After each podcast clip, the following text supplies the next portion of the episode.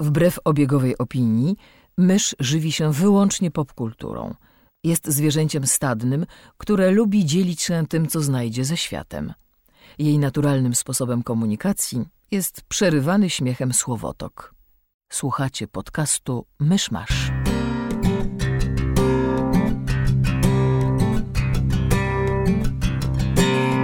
Gospodarzami podcastu Myszmasz są Krzysiek Sera, redaktor portalu Avalon. Kamil Borek ze studia Kobart.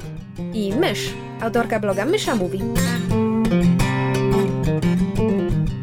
Drodzy słuchacze, jest poniedziałek 20 czerwca 2016 roku, dzień letniego przesilenia. Zapraszam do 138 odcinka podcastu Myszmasz. E, słuchajcie, mamy dzisiaj dla Was e, zupełnie e, nietypowy odcinek, to znaczy o tyle typowy, że będziemy mówić o tym, co zwykle. E, natomiast nietypowy, ponieważ mamy gościa. Gościu, przywitaj się. Tak jak Witam. poprzednim razem. Witam nietypowo. serdecznie. Właśnie tak, tak mówię, że nietypowy odcinek, bo zwykle nie macie gości, prawda? No właśnie. To się nigdy nie zdarza w tym Poza tym, że mieliśmy w zeszłym tygodniu... No bo mówię, you're messing with the system. Ain't nobody messing with the To system. musisz powiedzieć tak, to jest kolejny nietypowy odcinek. Tak samo nietypowy jak poprzedni. Tak. We're making it a thing. E, tak, jest z nami Paweł Opydo, em, autor bloga opydo.pl, niegdyś zombie samuraj. Teraz, teraz to jest takie awkward, bo wszyscy mówią teraz w ten sposób. Wcześniej było awkward, bo musiałem wymówić tą nazwę Zombie Samurai, która była taka idiotyczna. A teraz samo powiedzenie, hej, Paweł Opydo, autor bloga, bloga opydo.pl jest, to tak, jest takie, No. że wszyscy dodają dawniej Zombie Samurai i to jeszcze jest gorzej niż było. To jest straszne. No to po cholerę, żeś Bag, zmieniał. bagno rebrandingu, sam się w nie wpakowałeś. Zbierasz po prostu te nazwy. Będzie artysta wcześniej zwany jako Prince. Tak, Bloger e, wcześniej znany jako Zombie Samurai, tak, to jest. tak. I, i, I prowadzący autor pod, e, nie podcastu, znaczy tak, podcastu też, e, Zombie versus Zwierz z Kasią Czajką, znaną jako Zwierz Popkulturalny i autor i prowadzący kanału na YouTube Złe Książki. Czyli Did I forget anything? Y, Osobistość internetowa, celebryta od siedmiu boleści. y, y, y, początkujący pisarz, Podróżnik, filantrop. podróżnik, filantrop, ekspert od psychologii dziecięcej i gier. Dzisiaj będziemy, dziś to jest ten odcinek, w którym będziemy mówić o grach z chłopakami, a ty już nie możesz krzyczeć wtedy. Nie, ja będę grała w Sliderio, tak a propos gier. Będę grała na telefonie. Nie, będę słuchała, będę Ale zadawała ja bym pytania. bardzo chciał z tobą porozmawiać o grach właśnie, bo ja, ja, ja na przykład uwielbiam yy, Edukować ciemną nie, masę. Ja uwielbiam rozmawiać o grach z ludźmi, którzy nie siedzą w grach, dlatego że dla mnie to jest super fajne yy, rozmawianie o tym, jaki jest odbiór tej części popkultury z osobami, które są z zewnątrz i szukanie tych wspólnych elementów, bo my nie jesteśmy w stanie, my tak dobrze znamy gry z chłopakami podejrzewam, że my nie jesteśmy w stanie wyjść poza tą naszą wiedzę o grach. I ja na przykład uwielbiam, Kasia kompletnie nie gra w gry i ja uwielbiam z nią gadać o grach, bo czuję, że ja się czegoś uczę o tym i staram się być na tyle delikatny, żeby też nie zamęczyć jej na śmierć, bo nie miałbym z kim prowadzić podcastu. Ale y, wydaje mi się, że nie chcę mówić za Kasię, ale z tego co wiem, to ona chyba też lubi te odcinki, bo ona też się czegoś dowiaduje i A mój ulubiony wasz odcinek to był ten, kiedy rozmawialiście o Wiedźminie w kontekście książka versus właśnie gra, bo każdy znało co innego. Strasznie tak, to fajnie jest, ten to, odcinek to, wyszedł. to jest super właśnie takie zestawienie, jak Mhm. ja tylko grałem w grę i Team Trees. Znaczy, ja bardzo często mam tak, że jak chłopaki mówią o jakiejś gr- grze, to ja się bardzo często właśnie ekscytuję na zasadzie, jak Krzysiek mówił o tym Assassin's Creed, gdzie się grało kobietą, nie pamiętam, który to był. Liberation. Liberation, tak. E, albo jak właśnie chłopaki rozmawiają o, o, o jakichś grach, to ja mam takie, uuu, zagrałabym, to brzmi fajnie, I never get around to it. Po prostu, znaczy, inaczej, ja czasami, zresztą to ci, którzy śledzą mojego fanpage'a, to wiedzą, że ja w zeszłym roku wpadłam w ciąg i przeszłam pierwszego Wiedźmina od początku do końca i byłam zachwycona. Tylko ja sobie przypomniałam, dlaczego ja nie gram w gry komputerowe, bo po prostu ilość czasu, które ja nad nimi spędzam i te ciągi, w jakie ja wpadam, gdzie po prostu nie istnieje nic innego, mnie to martwi. Ja się po prostu za bardzo, za łatwo się uzależniam. Wiesz, film to ja mogę przerwać w każdym momencie, nie ma tego właśnie na zasadzie, tylko jeszcze jeden achievement. Tak, ale to jest, to jest to samo, ten sam powód, dla którego ja nie oglądam seriali. Tak, to jest... To jest dokładnie to, to samo. Poza tym, że my, y, ty mówisz, że to cię wciąga, a ja mam tak, że serial mnie właśnie nie wciąga, dlatego że mam wrażenie, że to wrażenie, że poświęcam mu zbyt dużo czasu jest u mnie tak silne, że ja po prostu przerywam oglądanie, bo mnie to męczy. I, ale też wiesz, z drugiej strony, okej, to, to ja oglądam filmy na przykład i tak samo są gry, które są krótkie, bo są tak zrobione, skonstruowane, żeby były zamkniętą, krótką historią. No i, i, i w są ludzie, którzy na przykład grają tylko w takie gry, bo, bo nie chcą poświęcać godzin na przechodzenie tych wszystkich open worldów i zbieranie nutek w Assassin's Creed czy czegoś takiego. A, a są ludzie, którzy siedzą 4000 godzin w World of Warcraft. Na przykład. Nie, ale bo na przykład wczoraj e, jest taka strona internetowa, się nazywa Choice of Games i to są tekstowe gry wyboru. Mhm. Takie bardzo, bardzo, bardzo starym stylu. Ja jakiś czas temu zagrałam w, w historię o smokach, gdzie jesteś smokiem i możesz podejmować decyzje, czy tam atakujesz jakąś wioskę, zbierasz skarb, pożerasz księżniczkę, zaprzyjaźniasz się z nią, może pożerasz księcia, może zaprzyjaźnisz się z księciem, takie różne opcje. I wczoraj zaczęłam grać w Choice of the Vampire. Dzieje się w Nowym Orleanie w trakcie em, wojny Brytyjczyków i Amerykanów i potem w trakcie em, ten em, wojny między Stanami.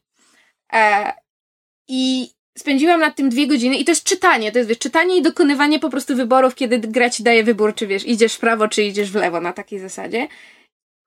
I z jakiegoś powodu przy tym nie czuję, że marnuję czas. Może Ale dlatego, ty- że czytam, że poznaję To historię. jest gra taka, która działa jak te powieści tekstowe? W sensie, że tam jest tylko tak, to jest tekst po- i... tylko tekst i, i opcje wyboru. Tego, tego typu jest gier, e, tego typu jest gier, tego typu gier jest mnóstwo na Twine, to jest ta platforma?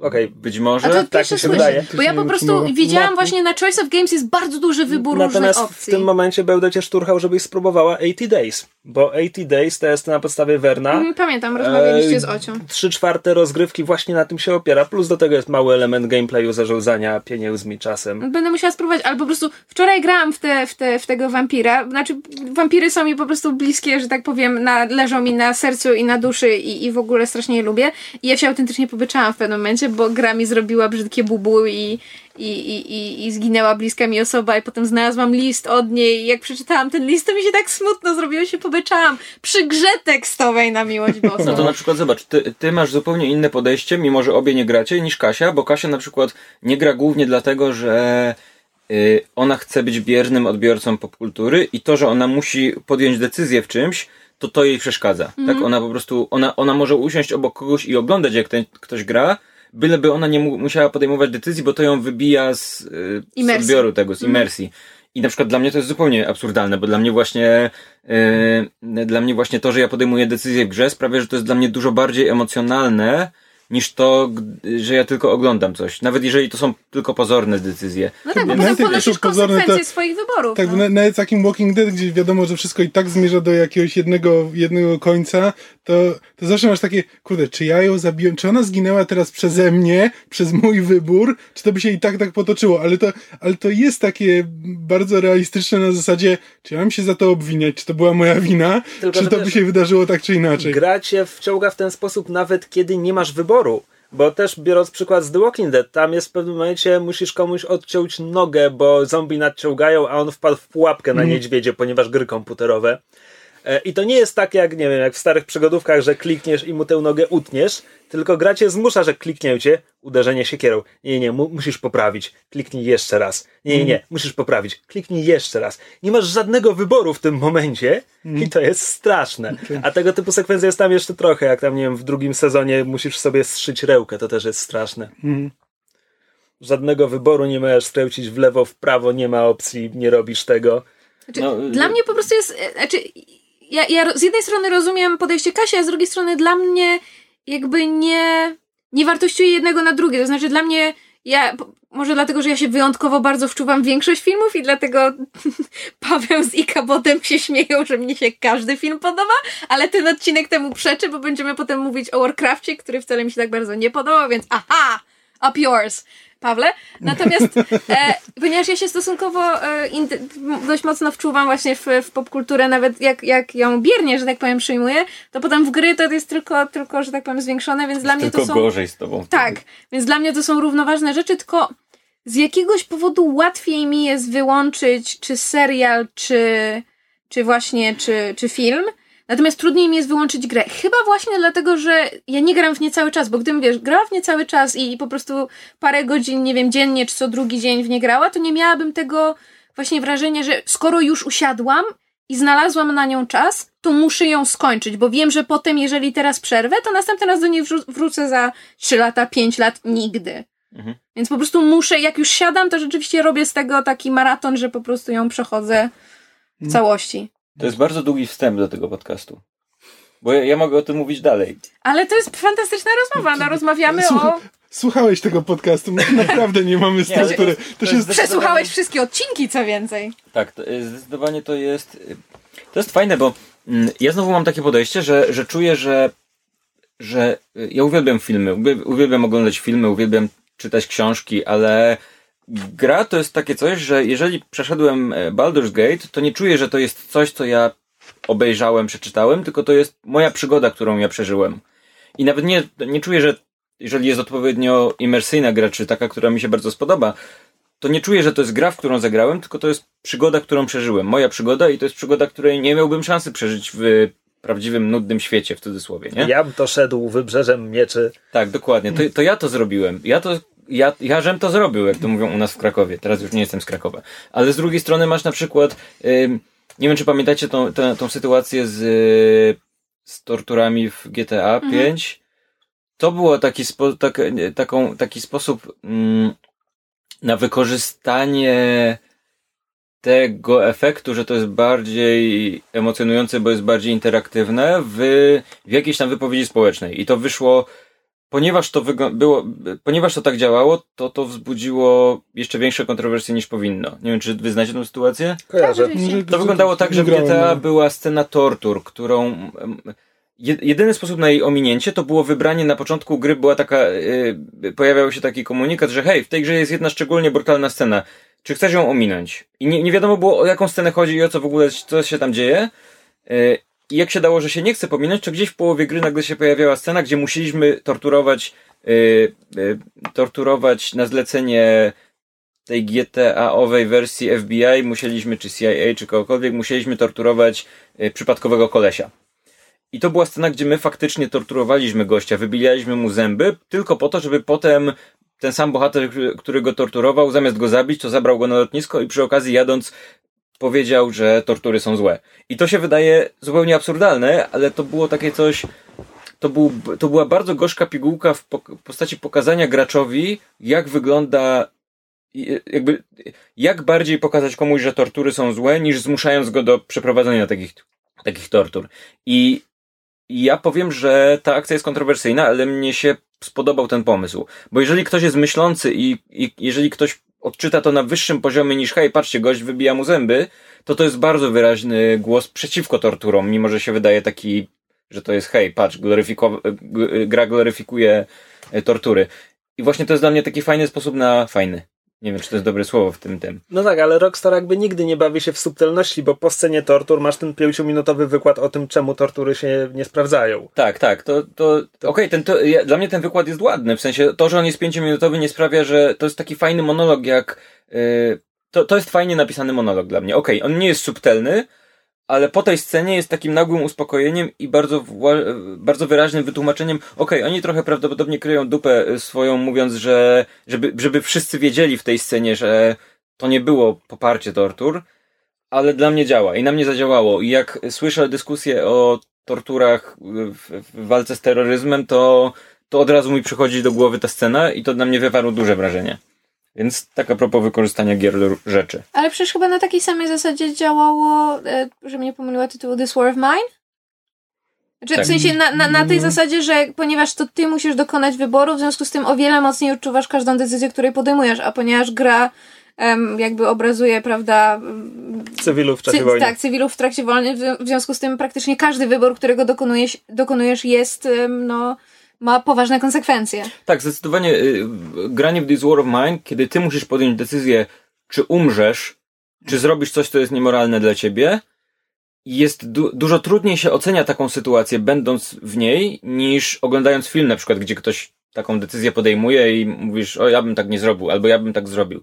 To jest takie teoretyzowanie, jak oglądasz film, czy czytasz książkę, a jak grasz, to, Jeszcze mówisz, że to... to wiesz, czy to, jak to zrobisz, nie? W filmie to jest, siedzisz, siedzisz tam półtorej godziny w kinie, no i tak liczysz może na jakieś właśnie bohaterskie poświęcenie, a w tym This War of Mine, no to już tam spędziłeś prawdopodobnie jakieś 8 godzin na tym, żeby tę tę swoją, budować ten swój domek i zbierać tych cywilów i w którymś momencie dochodzisz do momentu, gdzie właśnie musisz zdecydować, czy poświęcasz to wszystko i ten cały czas, który spędziłeś na tej grze, czy, czy robisz to zgodnie z sumieniem. Więc jakby masz też autentycznie włożoną pracę w to, co do tej pory zbudowałeś i co musisz stracić w tym momencie, jeśli stwierdzisz, że, że no się poświęcisz dla dobra, dla dobra jakichś cyfrowych luzików. No, więc y, y, podsumowanie jest takie, że Kasia się nie zna. A to jeszcze, jeszcze wrócimy do tego przy Warcraftie. Niniejszym pozdrawiamy Kasię, której z nami nie mogło tutaj być. Tęsknimy. No dobra. E, bo ja bym chciał porozmawiać o paru konkretnych grach, znaczy konkretnych, nieistniejących, ale zapowiedzianych, bo właśnie e, skończyło się E3, czyli Electronic Entertainment Expo gdzieś tam w Los Angeles, czy u innych Amerykanów, czyli wielkie targi, na których no kiedyś to była taka główna impreza growa, teraz, teraz, jest, ich mnóstwo. To jest to nadal główna impreza growa w sumie, ale... Tak, ale, zrobiło... ale zauważyłem, że mnóstwo firm jakby swoje największe ogłoszenia wrzuca tak, przed, właśnie miałem to powiedzieć, obok. że E3 się zrobiło dziwne, ponieważ na E3 wszyscy się pokazują, więc największe firmy robią sobie konferencje 1, 2, 3 dni przed E3, żeby uniknąć tego szumu informacyjnego. się w tłumie. Więc efekt jest taki, że już na samo E3 w sumie niewiele zostaje, więc tak naprawdę E3 to jest głównie ta otoczka wokół E3, czy parę dni przed E3, a potem E3 to już jest, no okej, to już, to już No, te rzeczy, które zobaczyliśmy wcześniej. Okazja, okazja na dogadanie szczegółów, że najpierw, że patrzcie, będziemy robili to. Czy macie teraz jakieś pytania? Jak tak, to na E3 zapraszamy do naszej, Do naszej budki, budki. tak, i pogadamy. Tak, więc pokazano tam e, sporo rzeczy. Szczerze mówiąc, nie było jakiegoś jednego tytułu, który by dopiero teraz ogłoszono, który by na mnie zrobił duże wrażenie. Natomiast z rzeczy, które były zapowiedziane już dawno temu, pokazano więcej. Na przykład pokazano bardzo dużo Dishonored 2 e, z samej rozgrywki i, i było kilka takich prezentacji. I to wygląda świetnie. To wygląda bardzo świetnie. Dishonored pierwszy mnie tak bardzo nie wciągnął. Nie? Strasznie. Znaczy, y, nie wiem jakby był... Myślę o daniu mu drugiej szansy, tylko on chyba nie był na nową generację konsol. Nie a ja już nie mam, nie mam już starej. Ale wydaje mi się, że głównie dlatego, że zacząłem w niego grać zaraz po przejściu Bioshock Infinite, który wydał mi się ba- i wydało mi się to bardzo podobne. W tej stylistyce takiej lekko jakiejś steampunkowej, w mm, jakoś nie, że, że jest bohater, który szuka dziewczyny, którą porwano, tam z tego co pamiętam ta gra się tak samo zaczyna. Jakoś tak miałem wrażenie, że, że, że jestem w tej samej grze, że jestem w takiej podobnej, przestylizowanej grze. Może nie tak kolorowo przestylizowanej, ale miałem wrażenie, że okej, Tam jest sporo podobieństw, jakby absolutnie. Y, Przy czym w rozgrywce to jest zupełnie co innego. Tak? Tak, słucham, Myszu?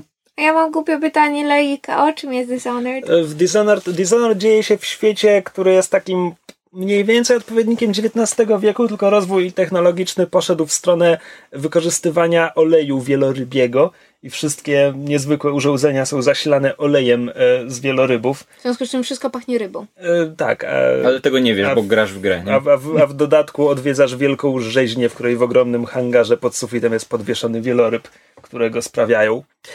E, I grasz e, ochroniarzem, e, a także kochankiem cesarzowej, która zostaje zabita w, na początku gry.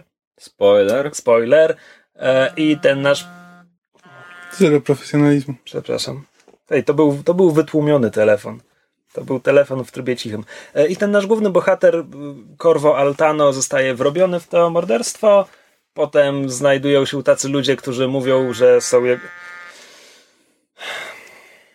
Um, Zostaje wrobiony i potem jesteś ludzie. tak, no i są, bo tam w tym mieście władzę przejął jakiś regent, który nie jest dobrym władcą, więc są spiskowcy, którzy chcieliby go obalić, a gdzieś po drodze jeszcze zagubiła się e, córka cesarzowej, którą trzeba odnaleźć i przywrócić na tron. To jest fabuła gry. A sama gra jest, e, to, się nazywa Immersive Sim, czyli taki, wiesz, że masz się wczuć, masz wiele opcji rozwiązywania problemów, Ja- ja na przemoc, końca- na skradanie się. Nie pamiętam do końca, ale ten bohater na początku chyba zostaje czymś w rodzaju. y, ma, ma maskę i jest takim arrołem jakby tego świata, coś takiego. W sensie on tam ma zbudować sobie najpierw. Jest, jest taki chyba jakiś motyw, że. Znaczy, no, on dostaje maskę z lunetą wbudowaną w soczewki. I ma ale... jak inkognito chodzić po mieście i. Nie, nie, ma tam nie, czegoś on- on- rodzaju. nie, Okej. On Jest- działa jest dla jedna- ruchu oporu, jakby to, znaczy takiego, nie, No, dla spiskowców, tak. którzy chcą obalić obecnego władcę. Natomiast tam nie ma takiego, to się nazywa social stealth, czyli ukrywania Mhm. się wśród tłumu, z wyjątkiem jednej misji, która toczy się na balu maskowym. No to na balu maskowym wszyscy mają maskę, więc ty w masce się tam wtapiasz, ale to jest jakby bardzo fajny zresztą poziom. E, natomiast poza tym to jest zwykła skradanka, w sensie jeśli ktoś cię zauważy, to w trzech przypadkach na czterech to, to jest strażnik, który krzyczy. Poza tym cywilów tam trochę jest, ale nie są ważni. Nie są ważnym elementem rozgrywki. Oni się chyba sporo wzorowali jakby na, Na Fifie. Fifie. Tak i to zarówno jakby w, w budowaniu świata, jakby właśnie świat jest taki dosyć mroczny, ale, ale śmieszny momentami, taki lekko Dużo- groteskowy. Dużo humoru. E, tak, no tylko że, tylko, że tutaj bohater ma jeszcze magiczne moce do dyspozycji, może się teleportować Tak, więc to było takie dziwne du- rzeczy. dużo z FIFA, ale pod względem rozgrywki też sporo z Deus Exa. I to tego nowego, nie, nie stare, nie Mm. oryginału. No w każdym razie będzie teraz kontynuacja w listopadzie, której będzie można grać zarówno bohaterem z pierwszej części, jak i y, tą y, córką obecnie cesarzową. E, nie mam pojęcia, jak fabuła uzasadnia, czemu panująca cesarzowa będzie się skradać w zału- po zaułkach, ale na pewno ma dobry powód. A i to jeszcze ma działać tak, że zaraz po prologu wybierasz, kim grasz po prostu przez resztę gry. Aha. Więc też I od można razu. grać cesarzowo? Tak, od razu masz e, e, e, replayability, e, żeby dwa razy rozegrać grę, żeby wszystko zobaczyć.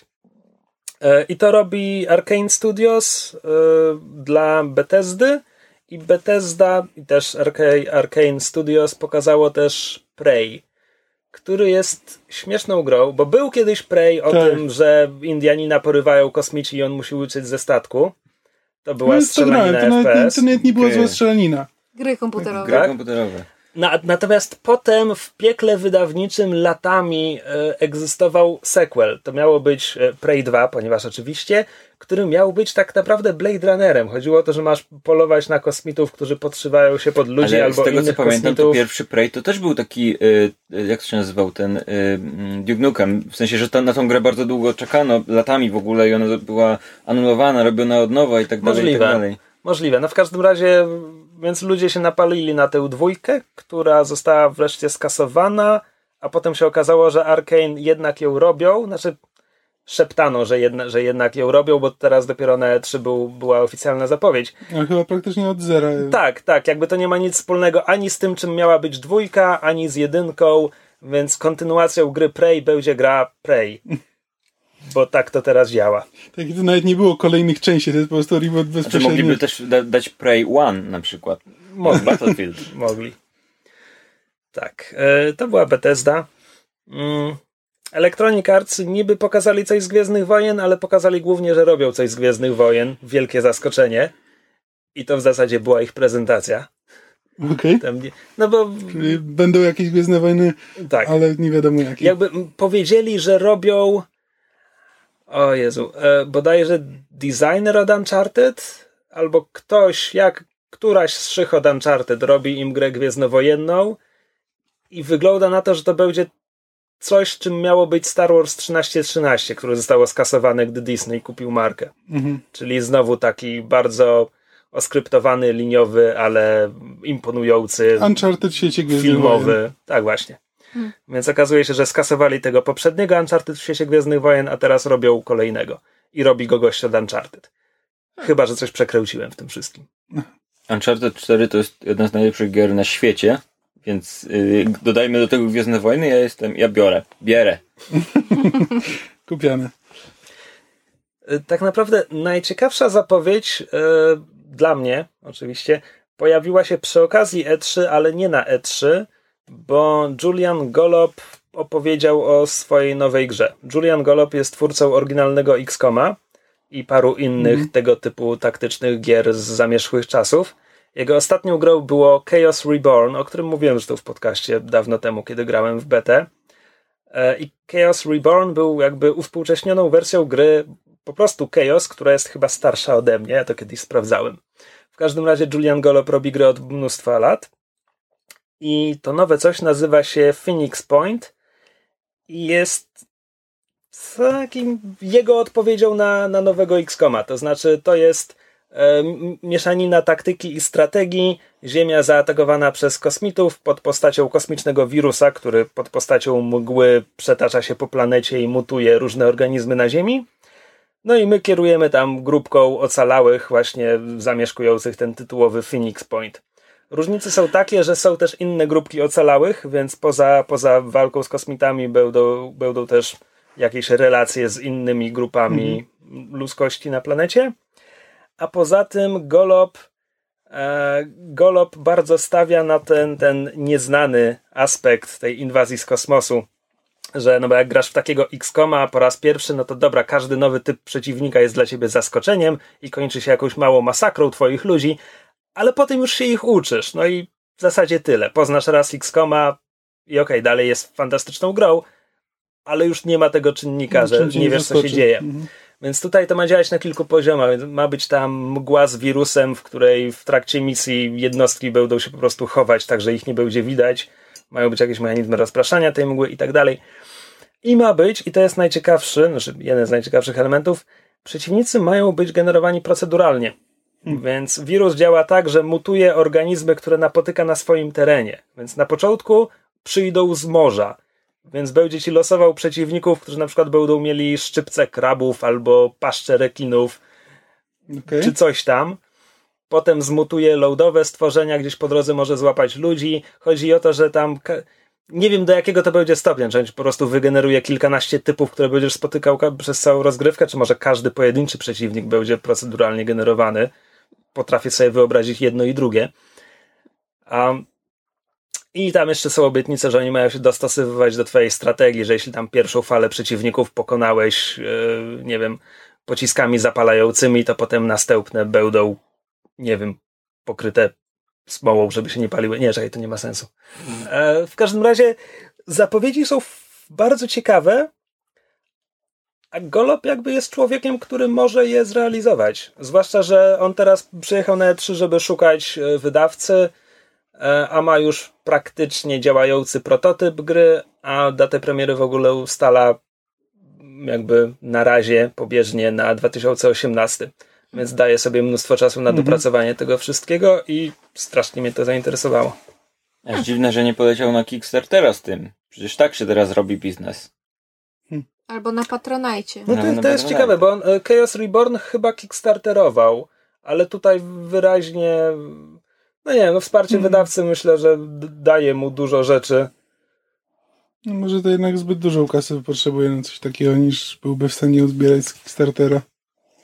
Wiesz, bo niektórym się zdarza przez przypadek, no tak jak nie wiem, to jest, jak to się nazywało, tam Space Citizen, czy, czy zapomniałem. To ta gra wyszła w końcu? Wyjdzie? Co? Ja nie wiem.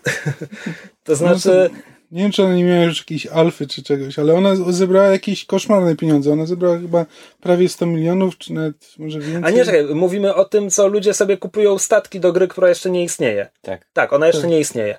Okej, okay. bo mnie się ta historia bardzo mocno kojarzy z takim odcinkiem, odcinkiem yy, Pinki i Mózg, kiedy budowali ziemię z papieru drugą.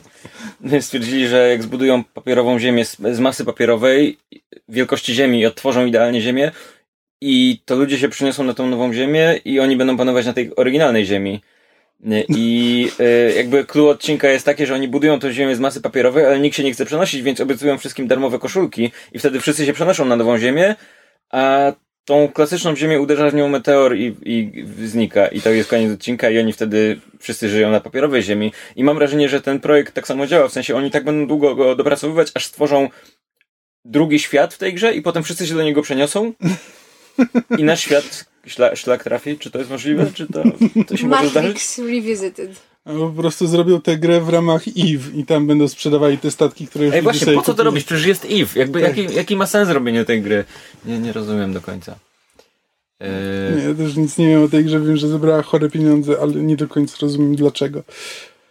Może ale... ludzie nie wiedzieli o istnieniu EVE i dlatego... To jest trochę, trochę tak jak z No Man's Sky, to znaczy ludzie mają w głowie swoją wymarzoną grę i jeśli masz talent, to ty jesteś w stanie sprzedać im to, co mają w głowie. Mhm. Tylko potem pojawia się problem, kiedy w końcu wypuścisz tę grę.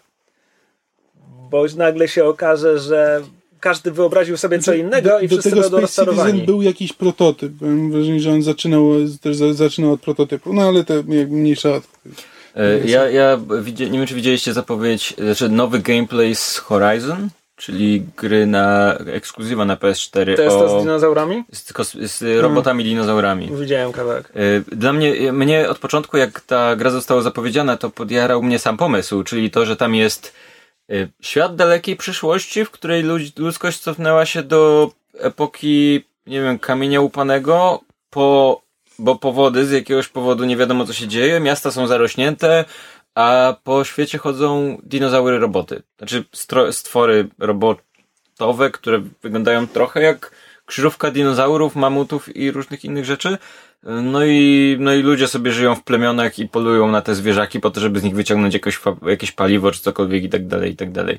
I jedyna, jedyną nadzieją, którą miałem, znaczy miałem dużo nadziei wobec tej gry, ale jedyną rzeczą, którą bardzo chciałem, żeby nie robili w tej grze, to było, żeby nie wyjaśniali, dlaczego świat wygląda tak, jak wygląda. Bo to, to dla mnie wizja ta świata przyszłości, gdzie lu- ludzie nie wiedzą i, i, i, inaczej. Dla ludzi w tym świecie my jesteśmy pradawną rasą, która zniknęła i nikt nie wie jak, bo to jest ileś tam setek czy tysięcy lat do przodu.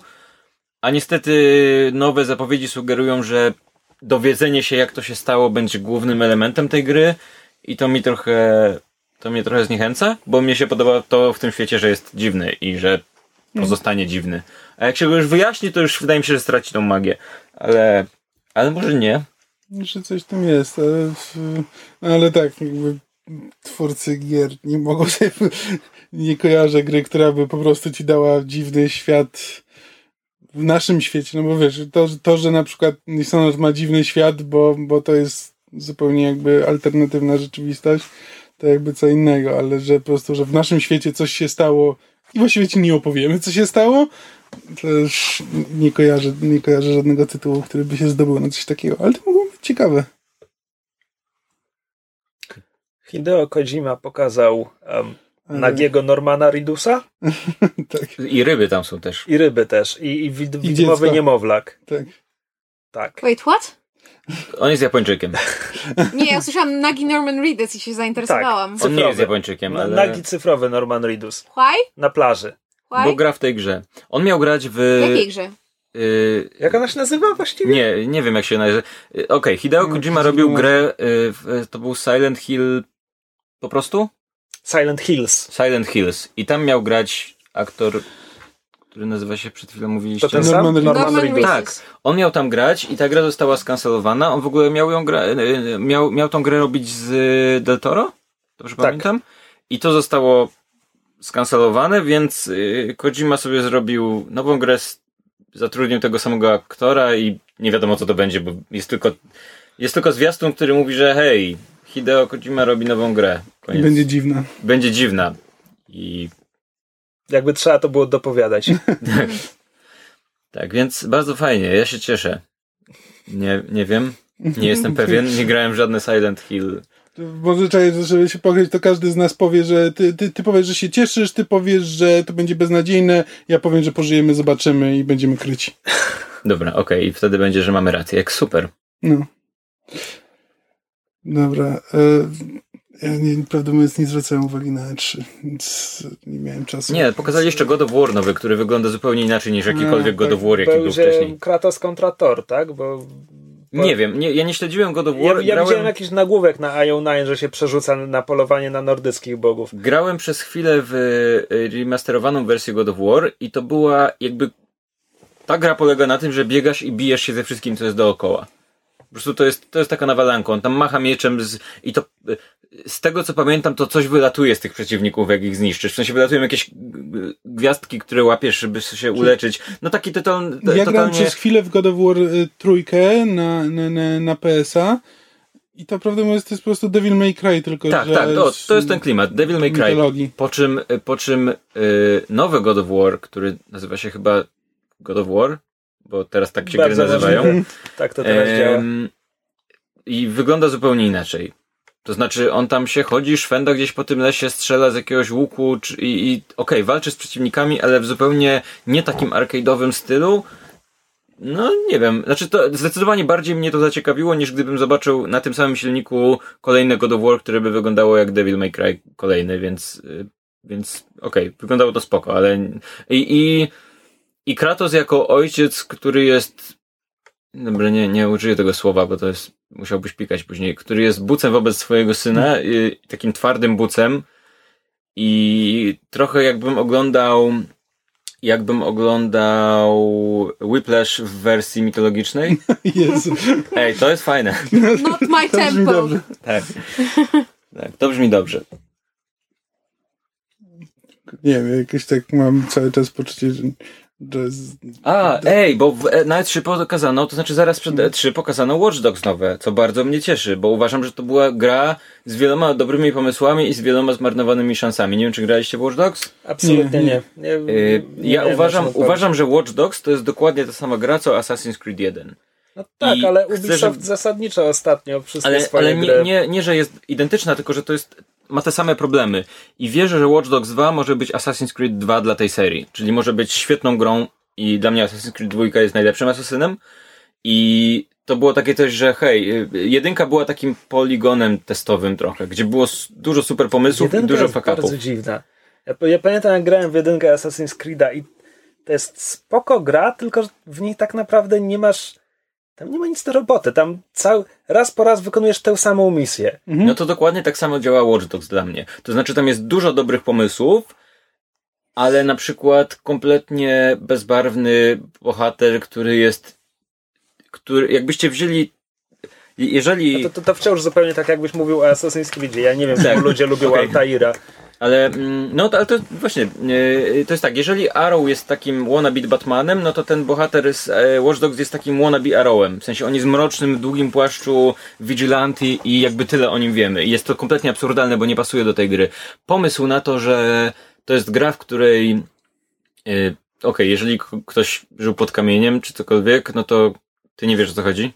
Yy, pomysł na grę jest taki, że w niedalekiej przyszłości w mieście zwanym Seattle. Chicago, To było Chicago? Chicago to jest, yy, wprowadzono coś, co się nazywa CityOS i to jest system komputerowy, który kontroluje wszystko, yy, światła, yy, nie wiem, cokolwiek w mieście, plus ma, jest pełno kamer, plus jest rozpoznawanie twarzy i coś w rodzaju jak się nazywał, że yy, Civil War 2, czyli że przewidują przestępstwo zanim się zdarzy. Raport mniejszości. Raport mniejszości, o to mi chodziło.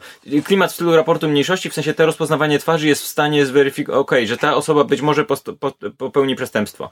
Yy, I gramy tam hakerem. I przez to, że gramy hakerem, to jest taki haker nie mający nic wspólnego z prawdziwymi hakerami, tylko taki, który wyciąga telefon i na przykład podłącza się do kamery i ogląda przez tą kamerę, co się dzieje. Albo na przykład jest w stanie wysadzić zdalnie, yy, nie wiem, yy, granat w kieszeni kogoś. Czy jest w stanie, nie wiem, Czemu na nie? przykład uciekając samochodem jesteś w stanie włączyć wszystkie światła na zielone, tak że się zrobi, y, na, na skrzyżowaniu się zrobi karambol. No jakby jest milion pomysłów na wykorzystanie tego, y, tego hakowania. I niektóre misje są fantastyczne, bo są takie misje, w których jesteśmy w stanie w zasadzie stojąc pod budynkiem wykonać zadanie, albo do niego wejść i zastrzelić wszystkich, jeżeli mamy ochotę. Ale są zadania, w których to jest kompletnie absurdalne. I mówię, w tej grze jest dużo dobrych pomysłów, ale kompletnie idiotyczna fabuła, bardzo słaby główny bohater, gra się sili bardzo na bycie mroczną i poważną, a jej to kompletnie nie wychodzi. Po czym dwójka wygląda tak, że wszystko jest dużo lżejsze. Bohater jest jakby na samych zwiastunach się wydaje ciekawszy niż, niż tamten przez całą grę. Yy, I gra się robi dużo, bo on już nie mści się za śmierć swoich bliskich, chodząc po mieście w długim płaszczu, tylko nowy główny bohater jest po prostu jakimś tam hakerem, który się dobrze bawi. To wszystko się wydaje dużo lżejsze. Yy, Plus yy, to, co było zepsute w tamtej grze, czyli na przykład jeżdżenie samochodami, ma być poprawione i zrobione bardziej arcade'owo, bo tam silili się na realistyczny model jazdy, który w takiej grze nie działa po prostu, bo jak możesz zrobić epicki pościg samochodowy i twój samochód nie skręca tak jak chcesz, to nie działa. Plus rozwinięto to hakowanie do, do w zasadzie nieograniczonych możliwości, tak przynajmniej wynika z, z zapowiedzi, łącznie z tym, że można na przykład hakować samochodem, samochody i zdalnie nimi jeździć po mieście na przykład.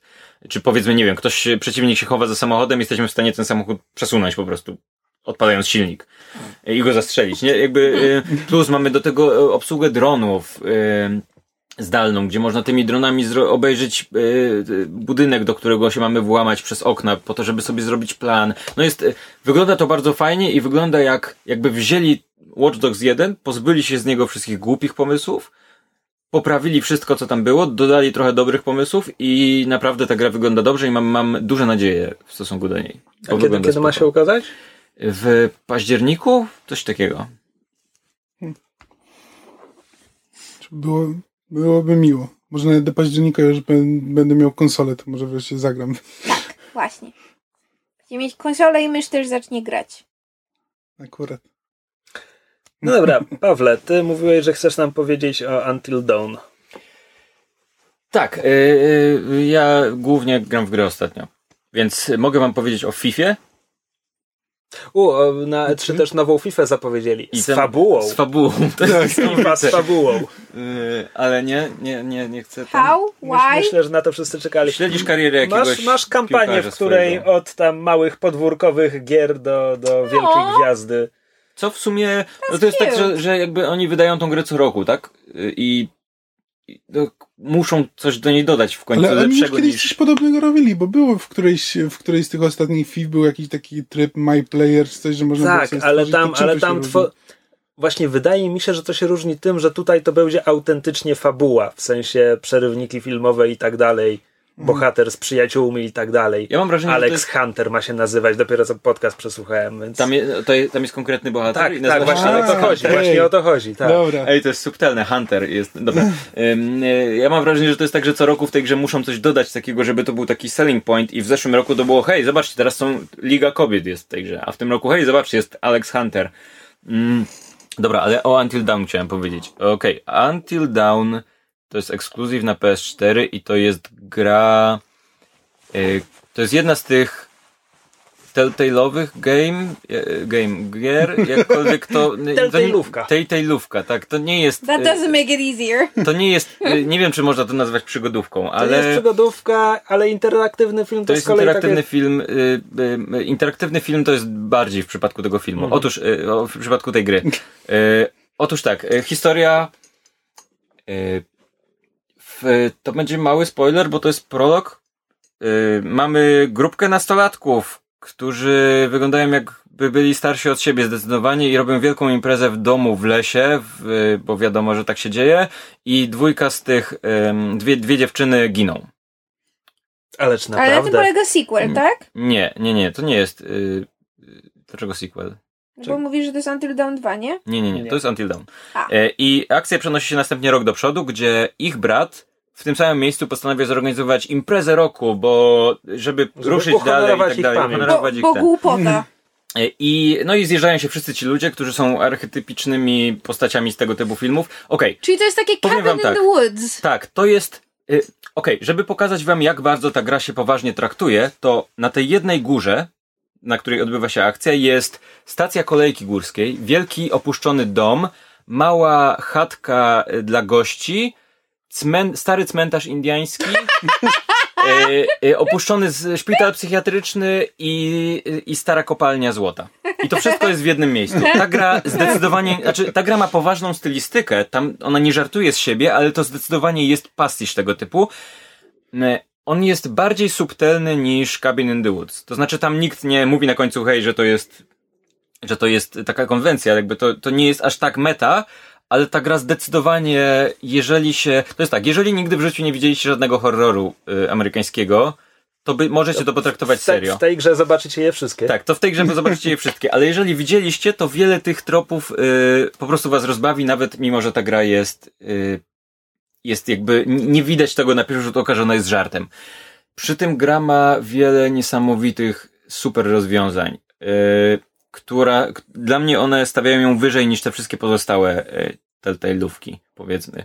E, to znaczy, po pierwsze, mam wrażenie, że jest dużo mocniejszy impact naszych decyzji yy, na grę. To znaczy, w tej grze można ją przejść nie zabijając w niej nikogo, a można przejść ją w ten sposób, że większość bohaterów Chcesz zginie. powiedzieć, nie tracąc nikogo. Nie tracąc nikogo, nie zabijając. I tu jest tak, że... Ch- Chyba, że grasz w to jak reżyser filmów o horrorach, tylko masz I, jak checklistę, z której... Jak Ikabot. Ikabot na przykład szedł po wszystkich... Yy, yy, szedł tak, żeby to było jak najbardziej kliszowe, nie? I, i, i to działa. Znaczy, Ale... W sensie w lewo życie, w prawo śmierć, idziemy Tak, w prawo. znaczy wychowywał się, znaczy zachowywał się w ten sposób, jak zachowują się stereotypowi bohaterowie horroru, czyli możesz wyjść z tej e, kopalni, e, do której e, Wchodzę głębiej. przez przypadek ten, albo możesz wejść głębiej. No ja wyszedłem i Kabot wszedł głębiej, no bo jak to? No przecież jest, to jest taka gra. Ro, rozdzielmy się, żeby szybciej Plus taki, taki drobny, mo, mo, drobny smaczek, to znaczy między kolejnymi etapami tej gry, które są zbudowane jak odcinki serialu. To znaczy ta gra kupujesz ją w całości. To nie jest epizod, epizodyczna gra, ale i tak tam masz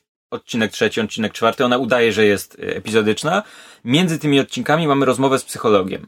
Rozmowa z psychologiem jest widziana z perspektywy pierwszej osoby i to jest super meta. Czyli, nie wiesz, kto rozmawia Nie wiesz, z psychologiem? kto rozmawia z psychologiem, ale to może być A, jedna z postaci z grze, w grze, która na przykład przeżyła, B, to możesz być ty, bo on na przykład zwraca się do ciebie mówiąc rzeczy w rodzaju jak ci się podoba ta, ta, ta gra, którą tu prowadzisz, nie? I ty to, to brzmi gorzej po polsku, ale to naprawdę jest całkiem ciekawe, zwłaszcza, że on robi na tobie testy psychologiczne w rodzaju, że pokazuje ci jakieś rysunki, co cię bardziej niepokoi, to czy to, i potem, a, i, i, i, I gra- efekty gra tego to mają, gra to wykorzystuje. potem, żeby cię bardziej przestraszyć. Czyli on ci pokazuje trzy obrazki, co się bardziej przeraża, klaun, pająk, czy... Tak, i potem się być może pojawi, ale potem jest tak, że on ci pokazuje te trzy obrazki i jak wybierasz to najbardziej, to ci pokazuje to i jeszcze inną rzecz na przykład. No i jest to...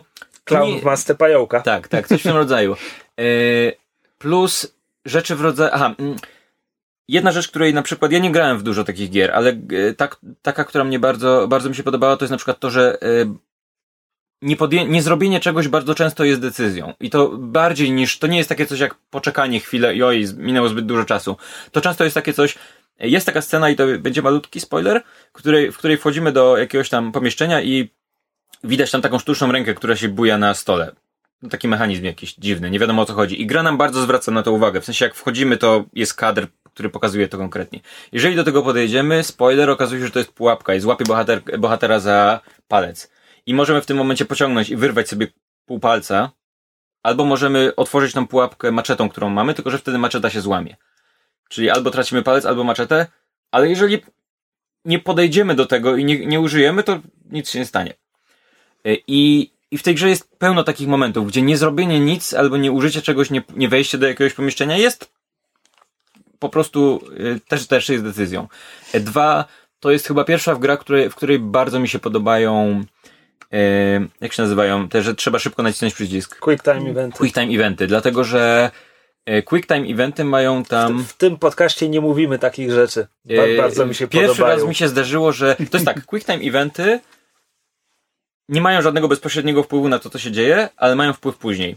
Czyli możemy, nie wiem, biegnąc, żeby uratować jakąś bohaterkę, bo coś, słyszymy krzyk, możemy się pośliznąć na kamieniu, nie naciskając przycisku i bohater po prostu pobiegnie dalej. Ale się poślizgnął na kamieniu, więc jeżeli się poślizgnie jeszcze drugi raz, to ona zginie. Ale może na przykład dobiega do, do urwiska, powiedzmy, i może zejść ostrożną drogą, albo zejść yy, na skróty, która jest niebezpie- drogą, która jest niebezpieczna. I ja mam w głowie, okej, poślizgnąłem się na kamieniu, więc po- może później pójdę na skróty, tylko że droga na skróty może sprawić, że jeszcze więcej czasu stracę.